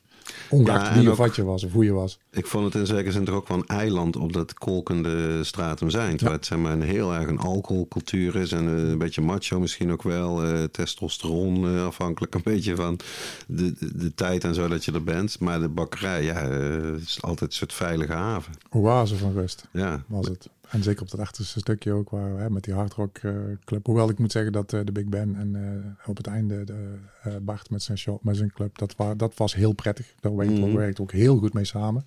Ja. Sowieso was het achterste stukje een beetje een bijzonder stukje op het Ja, straat. klopt, ja. losgezongen van de rest. Alles na het eindje. Ja, nou ja, zo was het wel. Gewoon zeker in de begintijd. Hè. Da- Daarna is het wel weer wel wat veranderd. Maar met, met de Big Ben en de Roadhouse was dat, Ja. Was dat altijd erg prettig, moet ik zeggen. Wij kenden elkaar goed. We hielden elkaar ook goed in de gaten. We hielpen elkaar waar het nodig was. Mhm. Hè. En ik, ik vond het altijd heel eh, prettig. ja. Prettige plek om te zijn. En de bakkerij was zeker wat je zegt. Een oase van, van, van rust in de op de zaterdag en zondag en de vrijdag en zaterdagavonden. Want was dat nou lastig om dat, om dat onder controle te houden? Of hadden jullie daar soort trucs voor? Of Nee, ik denk juist kwam het dat... gewoon door de wiet? Ik, nee, niet, niet alleen door de wiet, maar door, door de bezoekers zelf, die, die elkaar ook eh, daarin stuurden en corrigeerden. En heel snel en heel makkelijk. En, en, en ik denk zelfs ook gewoon dat iedereen die daar binnen loopt, je voelt het gewoon. En dat slaat ook over op iemand die, die daar voor het eerst komt. Die je voelt gewoon, hé, hey, hier kan ik gewoon gaan zitten, Ja. een dingetje doen. Niemand valt me lastig. Maar ook hè, grote sterren die binnenkwamen, die niet meteen twintig man aan zijn jurk Ja. of broek hadden hangen met een hoop geheig. Die konden ook gewoon bij ons binnen zitten zonder dat daar meteen een hele, Heisa. ja, een hele, hele stampij om, eh, om gemaakt werd. Eh, Mhm. en dat, ik denk dat dat, maar dat gold ook voor, voor, voor Jan van de Straat en voor iedereen. Iedereen kon bij ons binnenlopen en op zijn gemak gaan zitten en zijn dingetje doen. En wat je ook deed, zolang je jezelf gedroeg en hè, normaal deed, kon je, Ja. was het altijd, of ja, normaal binnen hele Ja, ruime grenzen. Ik, kan ook zeggen dat ik door de jaren heen echt een fors aantal totale weirdo's eh, Jazeker, heb ja. ontmoet eh, in de bakkerij. Maar ook dat was de bakkerij. Ja, En ook dat vond ik, ik, ik vond dat juist leuk. Die, die, Ja, nee, die- die, aparte figuren die, Ja. eh, die zich bij ons melden. En, en aan de leuke kant en misschien ook aan de minder leuke kant. Maar ook die wisten wel van oké, hier, hier ga ik niks, Ja. gek, gek genoeg, die, hier ga ik niks doen. Die zeiden dat ook gewoon hardop. Hier ga ik nooit niks doen. ja, ja precies. Ik, ja. daar, daar, daar ben ik zo, maar hier zal ik dat nooit doen. Ja. Denk ik, ja, dat, dat is wel wat je wil horen natuurlijk. ja. Ja. Nou is er één ding waar koffieshop-eigenaren echt nooit over willen praten. Hè, dat is die, eh, de inkoop, de achterdeur. Dus eh, nou ja, nou jij geen koffieshop-eigenaar meer bent. De, de vraag is eigenlijk een beetje wat ik me afvroeg van tevoren. Eh, hoe is dat veranderd door de jaren heen dat jij bij de bakkerij was, eh, was betrokken? Van, van thuiskweek naar grote kwekers. Mhm. De, de, de thuiskweek werd steeds. eh, de, de, de, de, de liefhebbers werden steeds minder. Omdat er ook echt. dat ze steeds meer gepakt werden. Ja. Moeilijker werd om het, om het thuis te kweken. Hè. En, de- en, de, en het, de sancties gewoon steeds zwaarder werden. Hè. Waar je alles eh, van weet. Je kunt Ik wil gewoon. het zeggen. Tell me about it. Ja, nou ja, precies. Maar dat- zo, zo triest is het gewoon wel geworden. En daardoor is, is, is het liefhebbersverhaal zakte weg. Mhm. En, en kwamen grotere kwekers voor terug. Waarvan sommigen prima mee, mee te dienen. En die Mhm. ook gewoon prima kwaliteit. Maar ook gewoon... Het, het kaf van het koren werd, was, wat moeilijker te scheiden. Je moest meer op gaan letten van... van hè, de, de beoordeling, de kwaliteit. eh, hoe ziet het eruit? Maar ook de nakontrole bij de levering. Voorheen wist je gewoon bij die en die kwekertje thuis. Die eh, heeft gewoon elke keer zoveel... hè, twee, drie keer per jaar komt hij met iets, eh, met, met, een, met een partijtje. En dat is altijd lekker, altijd goed. Daar hoefde, je- daar hoefde je niet eens naar te kijken. Dat was mooi geknipt en dat zag er goed uit. En dat kon je gewoon zo de shop inleggen. Maar dat, eh, dat veranderde. Dat is eigenlijk de, de grootste verandering, denk ik, qua inkoop. Ik denk ook de diversiteit misschien. De soorten, ja, dus dat, dat, dat, dat ging op een gegeven moment eh, ging dat helemaal nergens meer over. eh, De, de, de soortjes en de naampjes en de dingen. Ik, ik, heb daar, ik, ik moet je eerlijk zeggen dat ik daar wel een beetje langs af ben gegaan altijd. Ik, ik, ik heb nooit zo gekeken naar welke naam, welke soort, hoeveel, hoeveel, eh, Jullie hadden toch ook al een klein menu? hoeveel indica, In hoeveel zekere zin, sativa. Jawel, een hele, een hele vaste kaart, maar ook gewoon Ja. vaste namen aan de soorten, zodat het gewoon herkenbaarder was. Mensen wisten gewoon, als ik een Enlexje koop, krijg ik die kwaliteit voor dat geld. Als ik een skunkje koop, krijg ik die. voor Als ik een hees koop, krijg ik gewoon een mooie hees. Als ik een super polmpje koop, krijg ik ook echt een lekkere polm. En als ik, eh, de kwaliteit was voor mij veel belangrijker dan het naampje wat eraan vasthing. Het moest gewoon goed zijn. En daar hebben we wel naam mee gemaakt, dat durf ik wel te zeggen. Ook met, met de hashsoorten. We waren een van de weinigen die altijd goede hash had liggen. En Ja, want ik, had, ik had soms wel het idee dat eh, de verhouding wiet-hash bij jullie meer naar de hashkant lag als bij de Ja. gemiddelde shop, toch? Ik, ik denk dat wij, om, om- omdat mensen ook wisten dat wij altijd goede hash hadden, dat, dat ze allemaal naar ons kwamen. Omdat bij andere shops het gewoon het aanbod wat magerder was en, en kwalitatief wat minder. Ik, ik besteedde daar ook echt heel veel aandacht aan, aan de inkoopkant. Mhm. ik, ik, ik kreeg, hè, daar kwam dan over jouw achterdeur waar je dan niks over wil horen, waar- je normaal niks over hoort. Daar kwam bij mij gewoon iemand langs. En die had dan misschien wel tien verschillende soorten hash bij. En dan kwam het net zo makkelijk voor dat ik ze met alle tien weer naar huis stuurde. Ik zei van alle tien niet goed. Ga maar weer. Kom maar met iets anders. Ik, dit, dit is gewoon niet wat ik zoek. En dan, ik kon ook heel goed uitleggen wat ik wel zocht. Dat, dat, dat, wist ik ook wel. Ik, was, ik ben zelf, eh, vroeger in was ik ook echt een hashliefhebber. Ik vond het lekker. Mm. Dus ik wist ook van pollen. Ik, ik, ik, ik had daar een bepaald idee over hoe dat eruit moest zien. Hoe dat moest ruiken, proeven, voelen, alles. En ik, ik heb hem regelmatig naar huis gestuurd hoor, met zijn tas vol. Ja. Van nou ja, dit, eh, dit is niet goed. Kom maar met iets anders. Maar hoe, hoe ging dat in de praktijk dan zo? Wat ik dan, als ze er al iets over zeggen, dan is het inderdaad mensen die in de shop komen. Zelfs met samples, dat moet je helemaal niet hebben. Maar Nee, dat klopt. hoe, hoe ging dat eh, in de praktijk? Ja, dat- precies wel wat jij zegt hoor. We houden, wij, shophouders, houden er helemaal niet van als mensen in onze tent komen met... eh, Ja. Ik heb eens een man gehad, die kwam met zo'n ouderwetse schoolboekentas. Kwam je de bakkerij en gewoon echt zo'n klik. Je kent ze wel, die van vroeger, die met die vakjes en zo'n leren tas. En die vroeg naar de eigenaar en ik, ik loop naar de bar en zegt, ik heb iets eh, interessants voor je. Ik zeg, nou, wat bedoel je? En hij klikt zijn boekentas open en dan komen gewoon klap, klap, klap, klap, klap. Die legt 7, 8 onze platen van verschillende hashsoorten, klapt die zo op de bar. En ik, nou, eh, zit er iets voor je bij? en ik kijk die man aan. Ik zeg, niet binnen vijf seconden die plaatjes weer in je tas stopt en een hulpvlucht maakt en je wegkomt. Dan hebben we echt een groot probleem, vriend. Want je- Ze sluiten met tent als ze jou hier binnen zien met je tasje. Dat, dat, dat is gewoon het grootste issue. Ja. Als er toevallig net een controle binnenkomt en, en er is zo iemand binnen met al is het maar een ons plaatje. Als je boven je, je, je, Ja, precies. je je voorraad uitkwam, dan krijg je gewoon 11 kilo. gehoor. En Ja. daar, daarom is dat vooral, het is op zich helemaal niet zo dat we niet zouden willen handelen. In Mhm. want eigenlijk zou je dat het liefst natuurlijk wel willen. Hè, het liefst zou je willen dat er gewoon dat je een kantoortje hebt in je, in je coffeeshop waar gewoon Ja, leveranciers eh, hun, hun monsters kunnen afgeven. Ja, letterlijk zo. Dat zou je het liefst willen, maar dat kan gewoon niet. Ja. Want ik wil niet, en kijk, ik, een sample is voor mij niet een zakje. Ik wil een sample, wil ik wel een voorbeeld van hoe de partij eruit ziet. Mhm. En niet het, eh, de, de beste drie topjes eh, de, eruit gezocht. Op, eh, hè? Ja. En dat ik dan de rest, want dat, ja, dat, dat zijn de dingen die zeker met die grotere kwekers wel vaak voorkwam. Dan kreeg je een samplezakje, dacht je, zo, dat is mooi spul. Prima, prima. Dat ziet er goed uit. En dan ging het ja, natuurlijk altijd over kilo's die dan ingekocht worden. En dan kwam de, de uiteindelijke levering. En ik heb ze regelmatig teruggestuurd. Sorry, maar dit, eh, dit is onacceptabel. Dan zat er zoveel gruis of meuk of fluff Mhm. tussen wat, eh, wat gewoon onac- echt onacceptabel. Kijk, een beetje gruis is, is, is, is, is het er altijd in. En, en, wat- en het, ze kunnen niet allemaal mega toppen zijn, dat snap ik ook wel. Ja. Maar het moet wel, zoals wij dat dan noemen, shopkwaliteit zijn. Het moet Ja. wel verkoopbaar zijn. Jij moet wel, je betaalt er een hoop geld voor. En als jij een vijfje of een tientje neerlegt, dan wil je daar gewoon een lekker topje wiet voor of een lekker stukje hash voor. En niet een zakje met Gruis. of fluff. Ja. Waarvan je, waar je moet gaan zoeken waar nog een THC-korreltje in de verte te glinsteren. is. Dat, dat, Mhm. kan, dat kun je gewoon niet verkopen, vind ik. Ja. Nou, de laatste tijd is het eh, gelukkig, moet ik zeggen, veel minder. Het gaat veel over Rotterdam de laatste tijd. Maar er was natuurlijk een periode dat Brabant aan alle kanten door figuren als Max Daniel en eh, Pieter Tops en hoe ze allemaal mogen heten, werd gezegd: dit is de wietschuur van Ja. Europa, dit is het draaischijf van heel de wereld, weet ik wat. Hoe, dat was in de tijd dat jij ook nog actief was eh, met, met de bakkerij. Hoe kijk, hoe kijk jij daar tegenaan? Of hoe kijk jij daar tegenaan? Tegen die. Ja, ik zou het toch bijna een hetze noemen hoe dat toen ging. Dat, dat was het ook. Ongegronde. Dat was het ook. En het, het ging nergens over. Ja. Het, was helemaal, het was helemaal niet zo.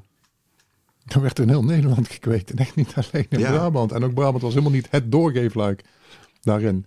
Dat, niks meer of minder dan Rotterdam. Of, of, of, of, of, of nou, noem elke andere provincie maar op. Ja, Utrecht of. Amsterdam. Of waar dan ook. Ja. Zeeland kwam ook gek genoeg veel van binnen. Groningen. Ja, Groningen was een heel... Was een Ja, hele, lekker, lekker rustig en ja, eh, ja, weinig precies. politie, eh, Ja. capaciteit, et cetera. Ja. Ja. het, het, het kwam van alle kanten en er werd overal wel gekweekt. Kijk, Brabant had natuurlijk, dat klopt ook wel, qua ruimte en qua plekken was het, log, was, was het niet onlogisch dat er in Brabant natuurlijk wel wat, wat, wat gekweekt werd. Ja, en op grotere schaal. Zeker, maar lang niet alleen. Er zijn ook in het oosten, hè, Twente, Drenthe, had je een, paar, prima plekken waar heel veel vandaan, zelfs net over de grens kwam het al vandaan. België en Duitsland kwamen Mhm. ook, eh, kwam ook regelmatig, omdat die grens natuurlijk gewoon, eh, ja, daar reed gewoon overheen Ja. in die tijd met een busje. Dat was helemaal niet zo spannend als je de weg een beetje kende. Controles, die, die waren er gewoon niet of nauwelijks. Zeg maar gewoon niet. Mhm. Dus jij kon makkelijk, als je over de grens een beetje een slimme plek had en het een beetje slim aanpakte, kon je prima kweken. Ja. Ja, en Zeker. nog steeds denk ik. toch? Nog steeds, ik, ik ga ervan uit dat dat eh, niet veranderd is. Zulke dingen, zeker hè, België en Duitsland over de grens, daar heb je gewoon veel meer ruimte dan hier nog. Ja.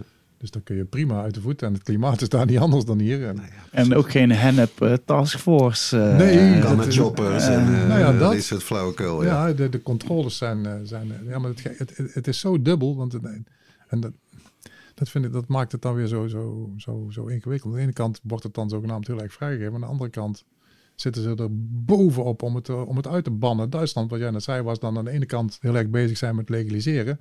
Maar ga eens, ik kom dan regelmatig natuurlijk bij festivals in Duitsland voor promotie. De, op de grond, de, de, de taskforces en de, de, de politie-eenheden op de grond, hoe die zich gedragen en, en hoe die tekeer gaan op, op iemand die een paar gram wiet bij een festival En bij zich heeft. En nou ja, en, Ja. En, en niet gewoon arresteren. Dat, dat zijn hele razzia's zou, ik, Hmm. eh, zou ik het bijna willen noemen. Die, daar, en daar loopt een bak politie en burger rond die daar lopen te, te scannen en te patrouilleren. Zeker aan de buitenkant. Ja, Dat, dat gaat helemaal nergens over. Als ik bij het Summer Jam kom, dan kijk ik mijn ogen uit, joh. Mhm. Dat is echt, dat denk ik van, waar is hier aan de hand, joh? Is dit, waar is dit voor? Oh, het is voor wiet. Echt waar? Ja. Ja, echt Ja, waar. dus tot het laatste moment gaan ze er Vol op het orgel. Ja. En dat, eh, dat gaat echt heel erg ver. Je moet daar gewoon, ik- ja, ik, ik zou daar nooit, ik- gewoon puur om, als ik zie hoe ze die mannen aanpakken en afvoeren, dat gaat niet, eh, dat gaat niet zachtzinnig. Nee, en dat, de, de vraag is ook hoe, of zo'n politiekorps, of die die draai dan kunnen maken Ja, dadelijk. ja, dat, nou ja, als die je, de wet, fa- eh, als je het fanatisme ziet waarmee, eh, waarmee het, het wordt uitgevoerd,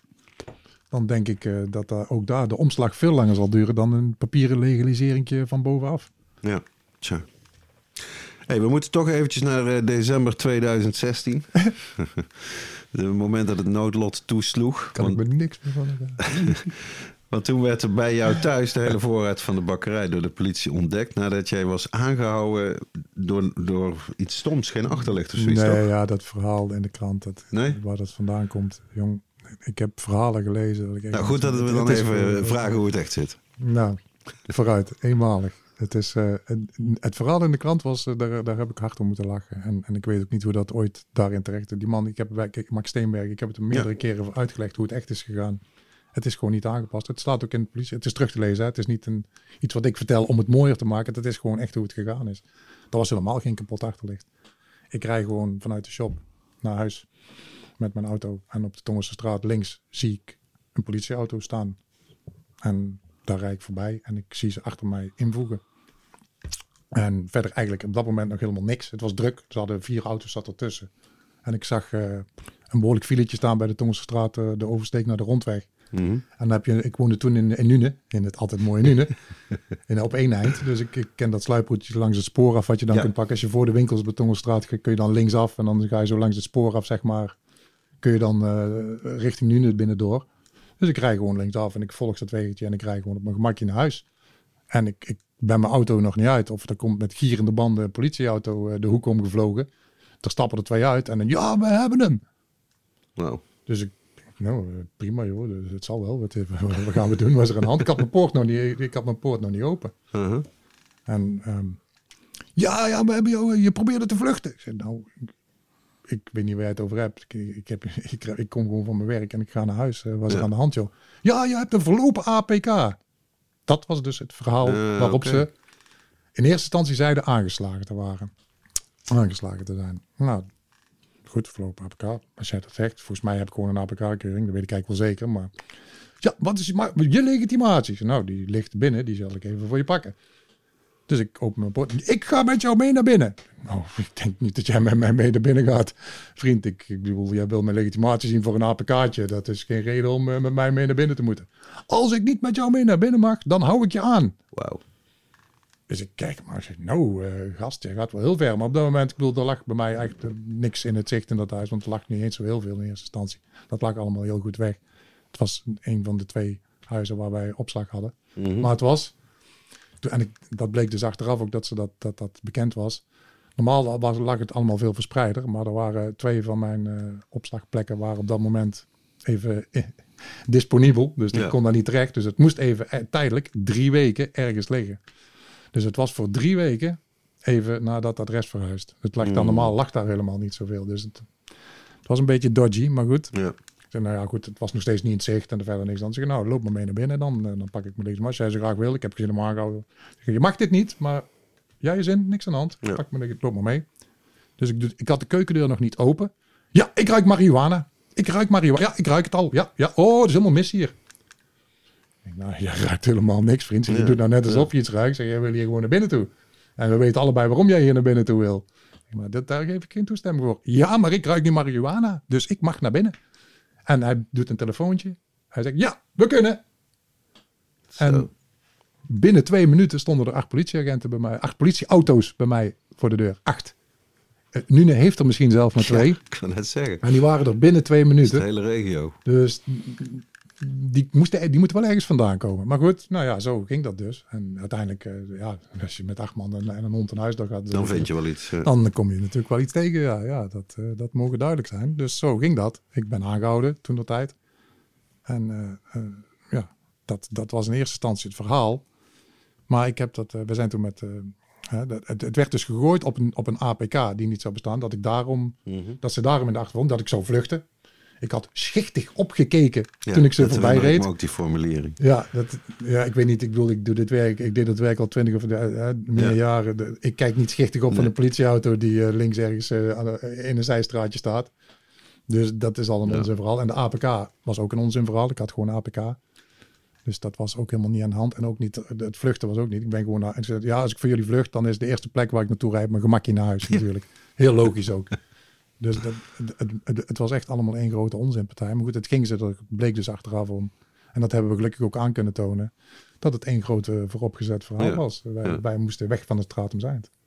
Dat was in het kort de, de, de reden van het hele verhaal. Ze wilden ons daar weg hebben. Wij zaten, er was een hele grote, en dat, ik- we hebben die plannen ook gezien. Voor een grote opschaling van het laatste stukje. Dat moest luxer, moderner, met leuke, chique eetentjes en zo. Eh, Dat was eigenlijk het plan. Ja. Ja. En ze hebben ons dat al een paar keer, hadden we dat al eh, wel gehoord hoor, in de wandelgangen. Maar goed, we hadden zoiets van, ja, wij, wij willen hier niet weg, we zitten hier prima. Ja. We hebben vergunning, dus eh, zoek het uit, we blijven hier lekker zitten. En ehm, ja, we zijn, we zijn dus naar de rand met, met, met de advocaat en zijn we gaan zoeken naar, naar het dossier van wat staat daar nou precies in, wat, wat beweren zij. We hebben dat eh, volledig onderuit kunnen halen. Daar, daar klopte helemaal niks van. De APK klopte niet. De, de, de, de reden van aanhouding klopte niet. De reden van binnentreding klopte niet. En, Ja, ehm, je zou zeggen alleen op vormfout al. ja. daarom. Dus dat was, dat was natuurlijk het verhaal. En eh, nou ja, we kregen eh, een jaar later kwam de strafzaak voor bij de rechter. Een meervoudige kamer, drie rechters. En een dossier van 321 pagina's. Zo. Maar we hadden in de tussentijd wel heel veel uitzoekwerk gedaan. We hadden heel veel aan kunnen tonen. Ook bij, bij het privacyloket waar je alle meldingen op jouw naam Mhm. kunt teruglezen. Waaruit dus bleek dat dit al veel langer speelde. Dat er al veel meer aan de hand was. En dat ook eh, het, het uiteindelijk eh, de, de, de aanzet eh, uit een heel andere hoek kwam. En eh, de, de rechter zei binnen 10 minuten nadat hij de 321 pagina's op zijn neus waren gelegd. En de, de, advocaat inleidend, mijn advocaat inleidend gesprek had gezegd van nou ja, dit en dit is in onze ogen aan de hand.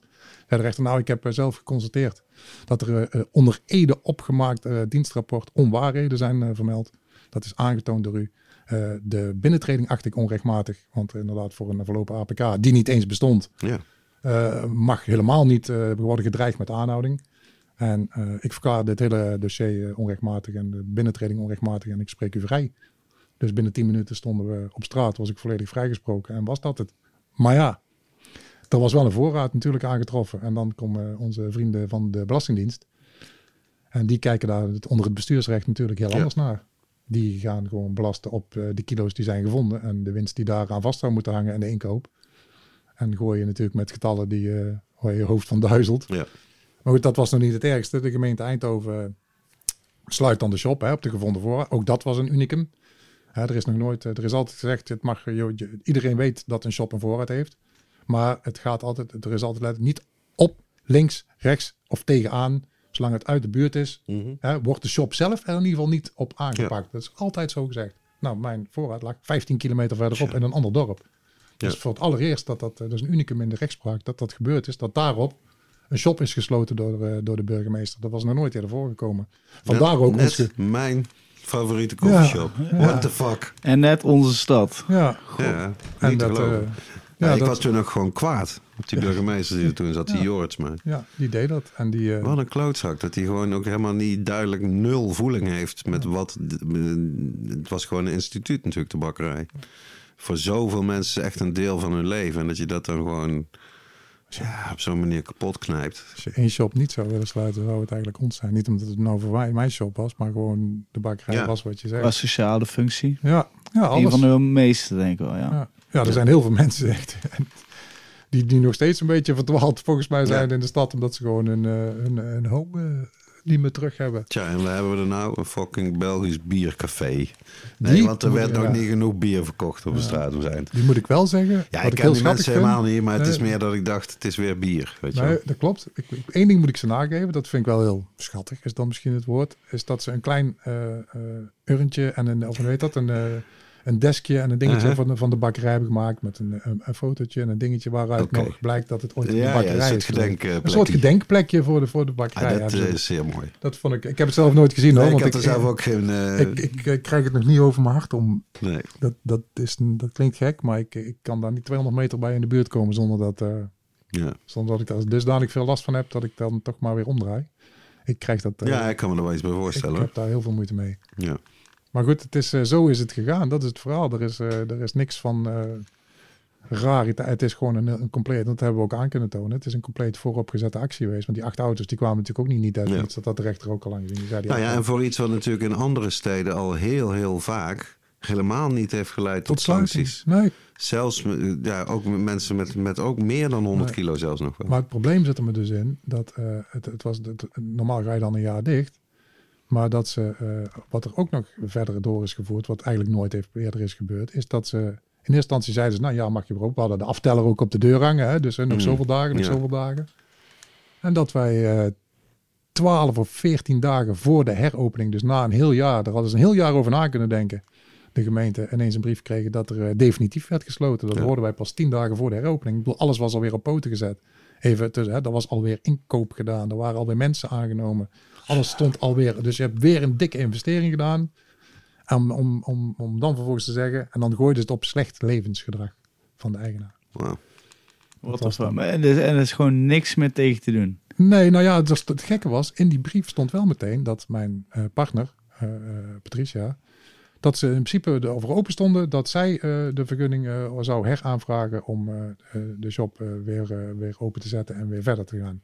Nou, als je dat aangeeft, dus goed, zij heeft die vergunning opnieuw aangevraagd. En toen toch niet gekregen. Nou, ze moet door de bibop heen dan. Hè? Mhm. Ze kwam door de bibop ook nog. Zij was geen, nooit een verdachte geweest. Dus ze kwam door de bibop één keer. Ze kwam door de bibop twee keer. Ze kwam door de bibop drie keer. Want de gemeente bleef telkens toch daar tegenaan. Van ja, maar we gaan de, als we de vraag dan zo en zo stellen. Nee, nee, nee. Dan kwam ze er weer doorheen. En uiteindelijk hadden ze dan de vraag zo gesteld. Dat, al- alsof het zou kunnen zijn dat zij daar eventueel iets van afgeweten zou kunnen hebben. Dat die Ja. voorraad bij mij in huis lag. Toen heeft Bibop gezegd, ja, dat zou eventueel pats. Wauw. Maar waarom geef je in een brief, want dat hadden ze helemaal niet hoeven Ja, doen. ja, ja. In eerste instantie aan dat zij het prima vinden. Dat- nou, dat. Dat zij de, de, de shop voort zou mogen zetten. Als ik terug zou treden, wat ik prima vond. Hè, dan stap ik wel terug. Geen enkel probleem. Ik ben, hè, dat, dat maakt niet uit als de bakkerij maar open kan blijven. En dan daarin inderdaad die hoop geven dat je dat mag. Maar wel tot drie keer toe de bibop afwijzen zelf. Terwijl de bibop tot drie keer toe zegt, nee, geen probleem. Niet te geloven. Dat is, eh, dat is het verhaal. Zie jij jouzelf ooit nog een, een koffieshop of cannabiswinkel runnen? Of is dat nou een helemaal afgesloten hoofdstuk voor jou? Nee, zegt het, het, het, het, het- zoals het beleid nu is. eh, Daar, daar liggen een aantal vergunningen op tafel dadelijk. Ja, dat klopt. Eindhoven wilde er twee bij, Ja. toch? Ja, ja, dat hangt erom. Ik weet niet hoeveel ze er nu weer gaan her. Want ze zijn.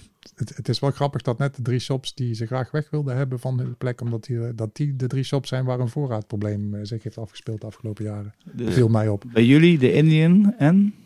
De High Times. Ja. Oké, Die ja. een- Bij de High. Times is wel weer zijn open. weer open omdat ze eh, daar niks, eh, Echt konden doen. dat ze daar niet verder komen, kwamen. Nee. En de Indian heeft natuurlijk, eh, zou ook weer open mogen nu, of is net weer open. Ja, die zijn Nee, volgens mij zijn. Maar die, definitief. zijn, maar die zijn nu ook definitief Ja. dichtgegooid. Door Ja. de buurt weggejaagd. Ja, nou ja, dat dus. Maar dat, het, is, het viel mij op dat net die shops die in, op een plekje zaten waar de gemeente niet heel erg gelukkig mee was, dat dat dan net de shops zijn die problemen hebben gekregen Mhm. in de voorraad. Kijk, Ja. iedere shop heeft een voorraad. Ja. Als ze dat willen, is de kwestie van achterna. Ze komen, ze vinden hem. Ja. Ja. En maar er is, zoals ik altijd begrepen heb, een soort van onderlinge afspraak bij het OM dat er niet actief Op de op stashes, Ja. op stashes wordt gejaagd. Ja. Dat is bij ons wel het geval geweest. Ja. Ja. Ze hebben mij afgelegd, zoals dat dan zo mooi heet. Hè, Ze hebben mij gevolgd. En mij niet alleen. En, Wat eh, een eh, lugubere term daarvoor. Ja, dat heet zo. Ja. Ja, dat klinkt... eh, ja, sorry. Ik kan het Ja. niet meer- dat is de term die ze daarvoor gebruiken zelf. Ook. Eh, laten we ten, ten slotte, want de tijd vliegt natuurlijk. Ja, we hebben nog eh, tien minuutjes, Ja, daarom. Dirk. Dus we gaan nou sowieso wat rubrieken helaas tot, moeten tot de skippen. volgende aflevering. ja, maar dat is eh, laten precies. Laten we een aantal maar gewoon eh, en daar gewoon afsluiten met, eh, jouw wijze woorden, bijvoorbeeld. Of we kunnen nog de reacties van luisteraars doen. Ik vind dan, als we iets moeten doen, dan zijn het de reacties van luisteraars. Dan doen we die eh, als... Nou, maar vervolg je eh, laatste vraag. Of, eh, Ja, want mijn laatste vraag gaat eigenlijk over... eh, ja, er zullen toch een, een flink deel van onze luisteraars... die horen dit nog op tijd. Eh, dit jaar, de naam is al gevallen Burning Spear. Wie, wie, wie staan er nog meer op het podium dit jaar op Sun? En welke datum is dat? dat Zaterdag, mensen- 12 augustus, Karpedonkse Plas. Op het podium Jaksta. Het podium Lila Ike. eh, Gentleman. Inner Circle, The Bad Boys of Reggae. De oude Firemaster Capleton. En als afsluiter Mr. Burning Spear. Ja, dat is toch een line-up om je vingers bij af te likken. ja. ja, zeker weten. Dus eh, nou ja, check de website. Die zetten we ook in de show notes. En eh, laten we doorgaan met eh, de reacties van luisteraars. En uiteraard krijgen we altijd leuke reacties binnen. En eh, ik heb er eigenlijk eentje gepakt die, we, die ik nog in de, in de safe had staan. Van, Ja. eh, die moeten we nog een keer behandelen. Op sommige, re- eh, reacties, of sommige afleveringen meerdere reacties. En één is, soms zijn er meerdere leuke reacties bij. Ehm, deze komt van Richard uit Hapert. Ook in de buurt. Dus dit wou, het is echt een Brabant special vandaag. Dirk, bedankt voor alle quotes. Ik heb er ook eentje. Ken je hem? Het is mijn favoriete. Jongens, nog een fijne zomer. Straight people don't know what you're about. They put you down and shoot, shut you out. You gave, you gave to me a new belief. And soon the world will love you, sweet leaf. Met vriendelijke groeten, Richard. Ah, met Een schitterend, eh, de kenners zullen het herkennen. Dit is uit een eh, nummer van eh, Black Sabbath, hè? Ozzy Osbourne. Ja, Sweet Ja. Leaf. Ik hoopte wel trouwens, ik dacht me wel dat, ik, dat we deze nog niet al voor de tweede keer eh, behandelen. dat was mijn, maar ik, ik moet zeggen, ik vond hem zo Volgens mij mooi. niet uit Hapert, dat zou ik me wel herinneren. Ja, precies. Dus Dus het plantgerelateerde prijzenpakketje komt jouw kant op. ja, Voor gaan, deze eh, luisteraarsreactie. volgens mij een mooi boek ook erbij nog. Sowieso, het boek van Steve Fleur. Dat, eh, dat kunnen we misschien de volgende keer eh, behandelen. Zij is een nieuw eh hennepbedrijfje begonnen, Steve Fleur. Kijk, Heel interessant. Zij maakt eh, eco-luiers van hennep. wauw. Dat is super Maar goed, van dezezelfde Steve Fleur, eh, een schitterend boek over de wietteelt in eh, Californië zit in het, eh, in het prijzenpakketje. En heb jij zelf een vraag of een tip, een suggestie voor een gast of een andere reactie, mail dan naar info.hitpodcast.nl, podcast met een T. Of gebruik de comments of onze Instagram pagina. Ja. En wie weet win jij de prijs. Ja, inderdaad. Dus daar, we hebben nog een, gelukkig nog een paar minuutjes over. Dus we, we hebben het mooi gedaan in de tijd die er is. Maar eh Peer, ik wil je echt ontzettend bedanken voor naar de studio te komen. En voor die jou schitterende eh, verhalen. ja, je verhaal te delen met ons. No problem. De enige echte waarheid over het einde van de bakkerij. Ik ben blij dat het ook goed gedocumenteerd is voor eh, onze luisteraars. Ja, ik heb er 321 pagina's document over, denk ik. Dus, eh, feel free.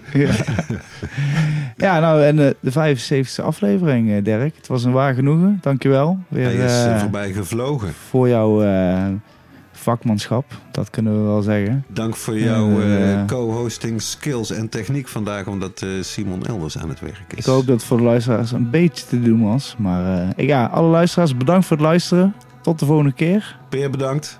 Graag gedaan. En eh, tot de volgende keer. Houdoe. Houdoe.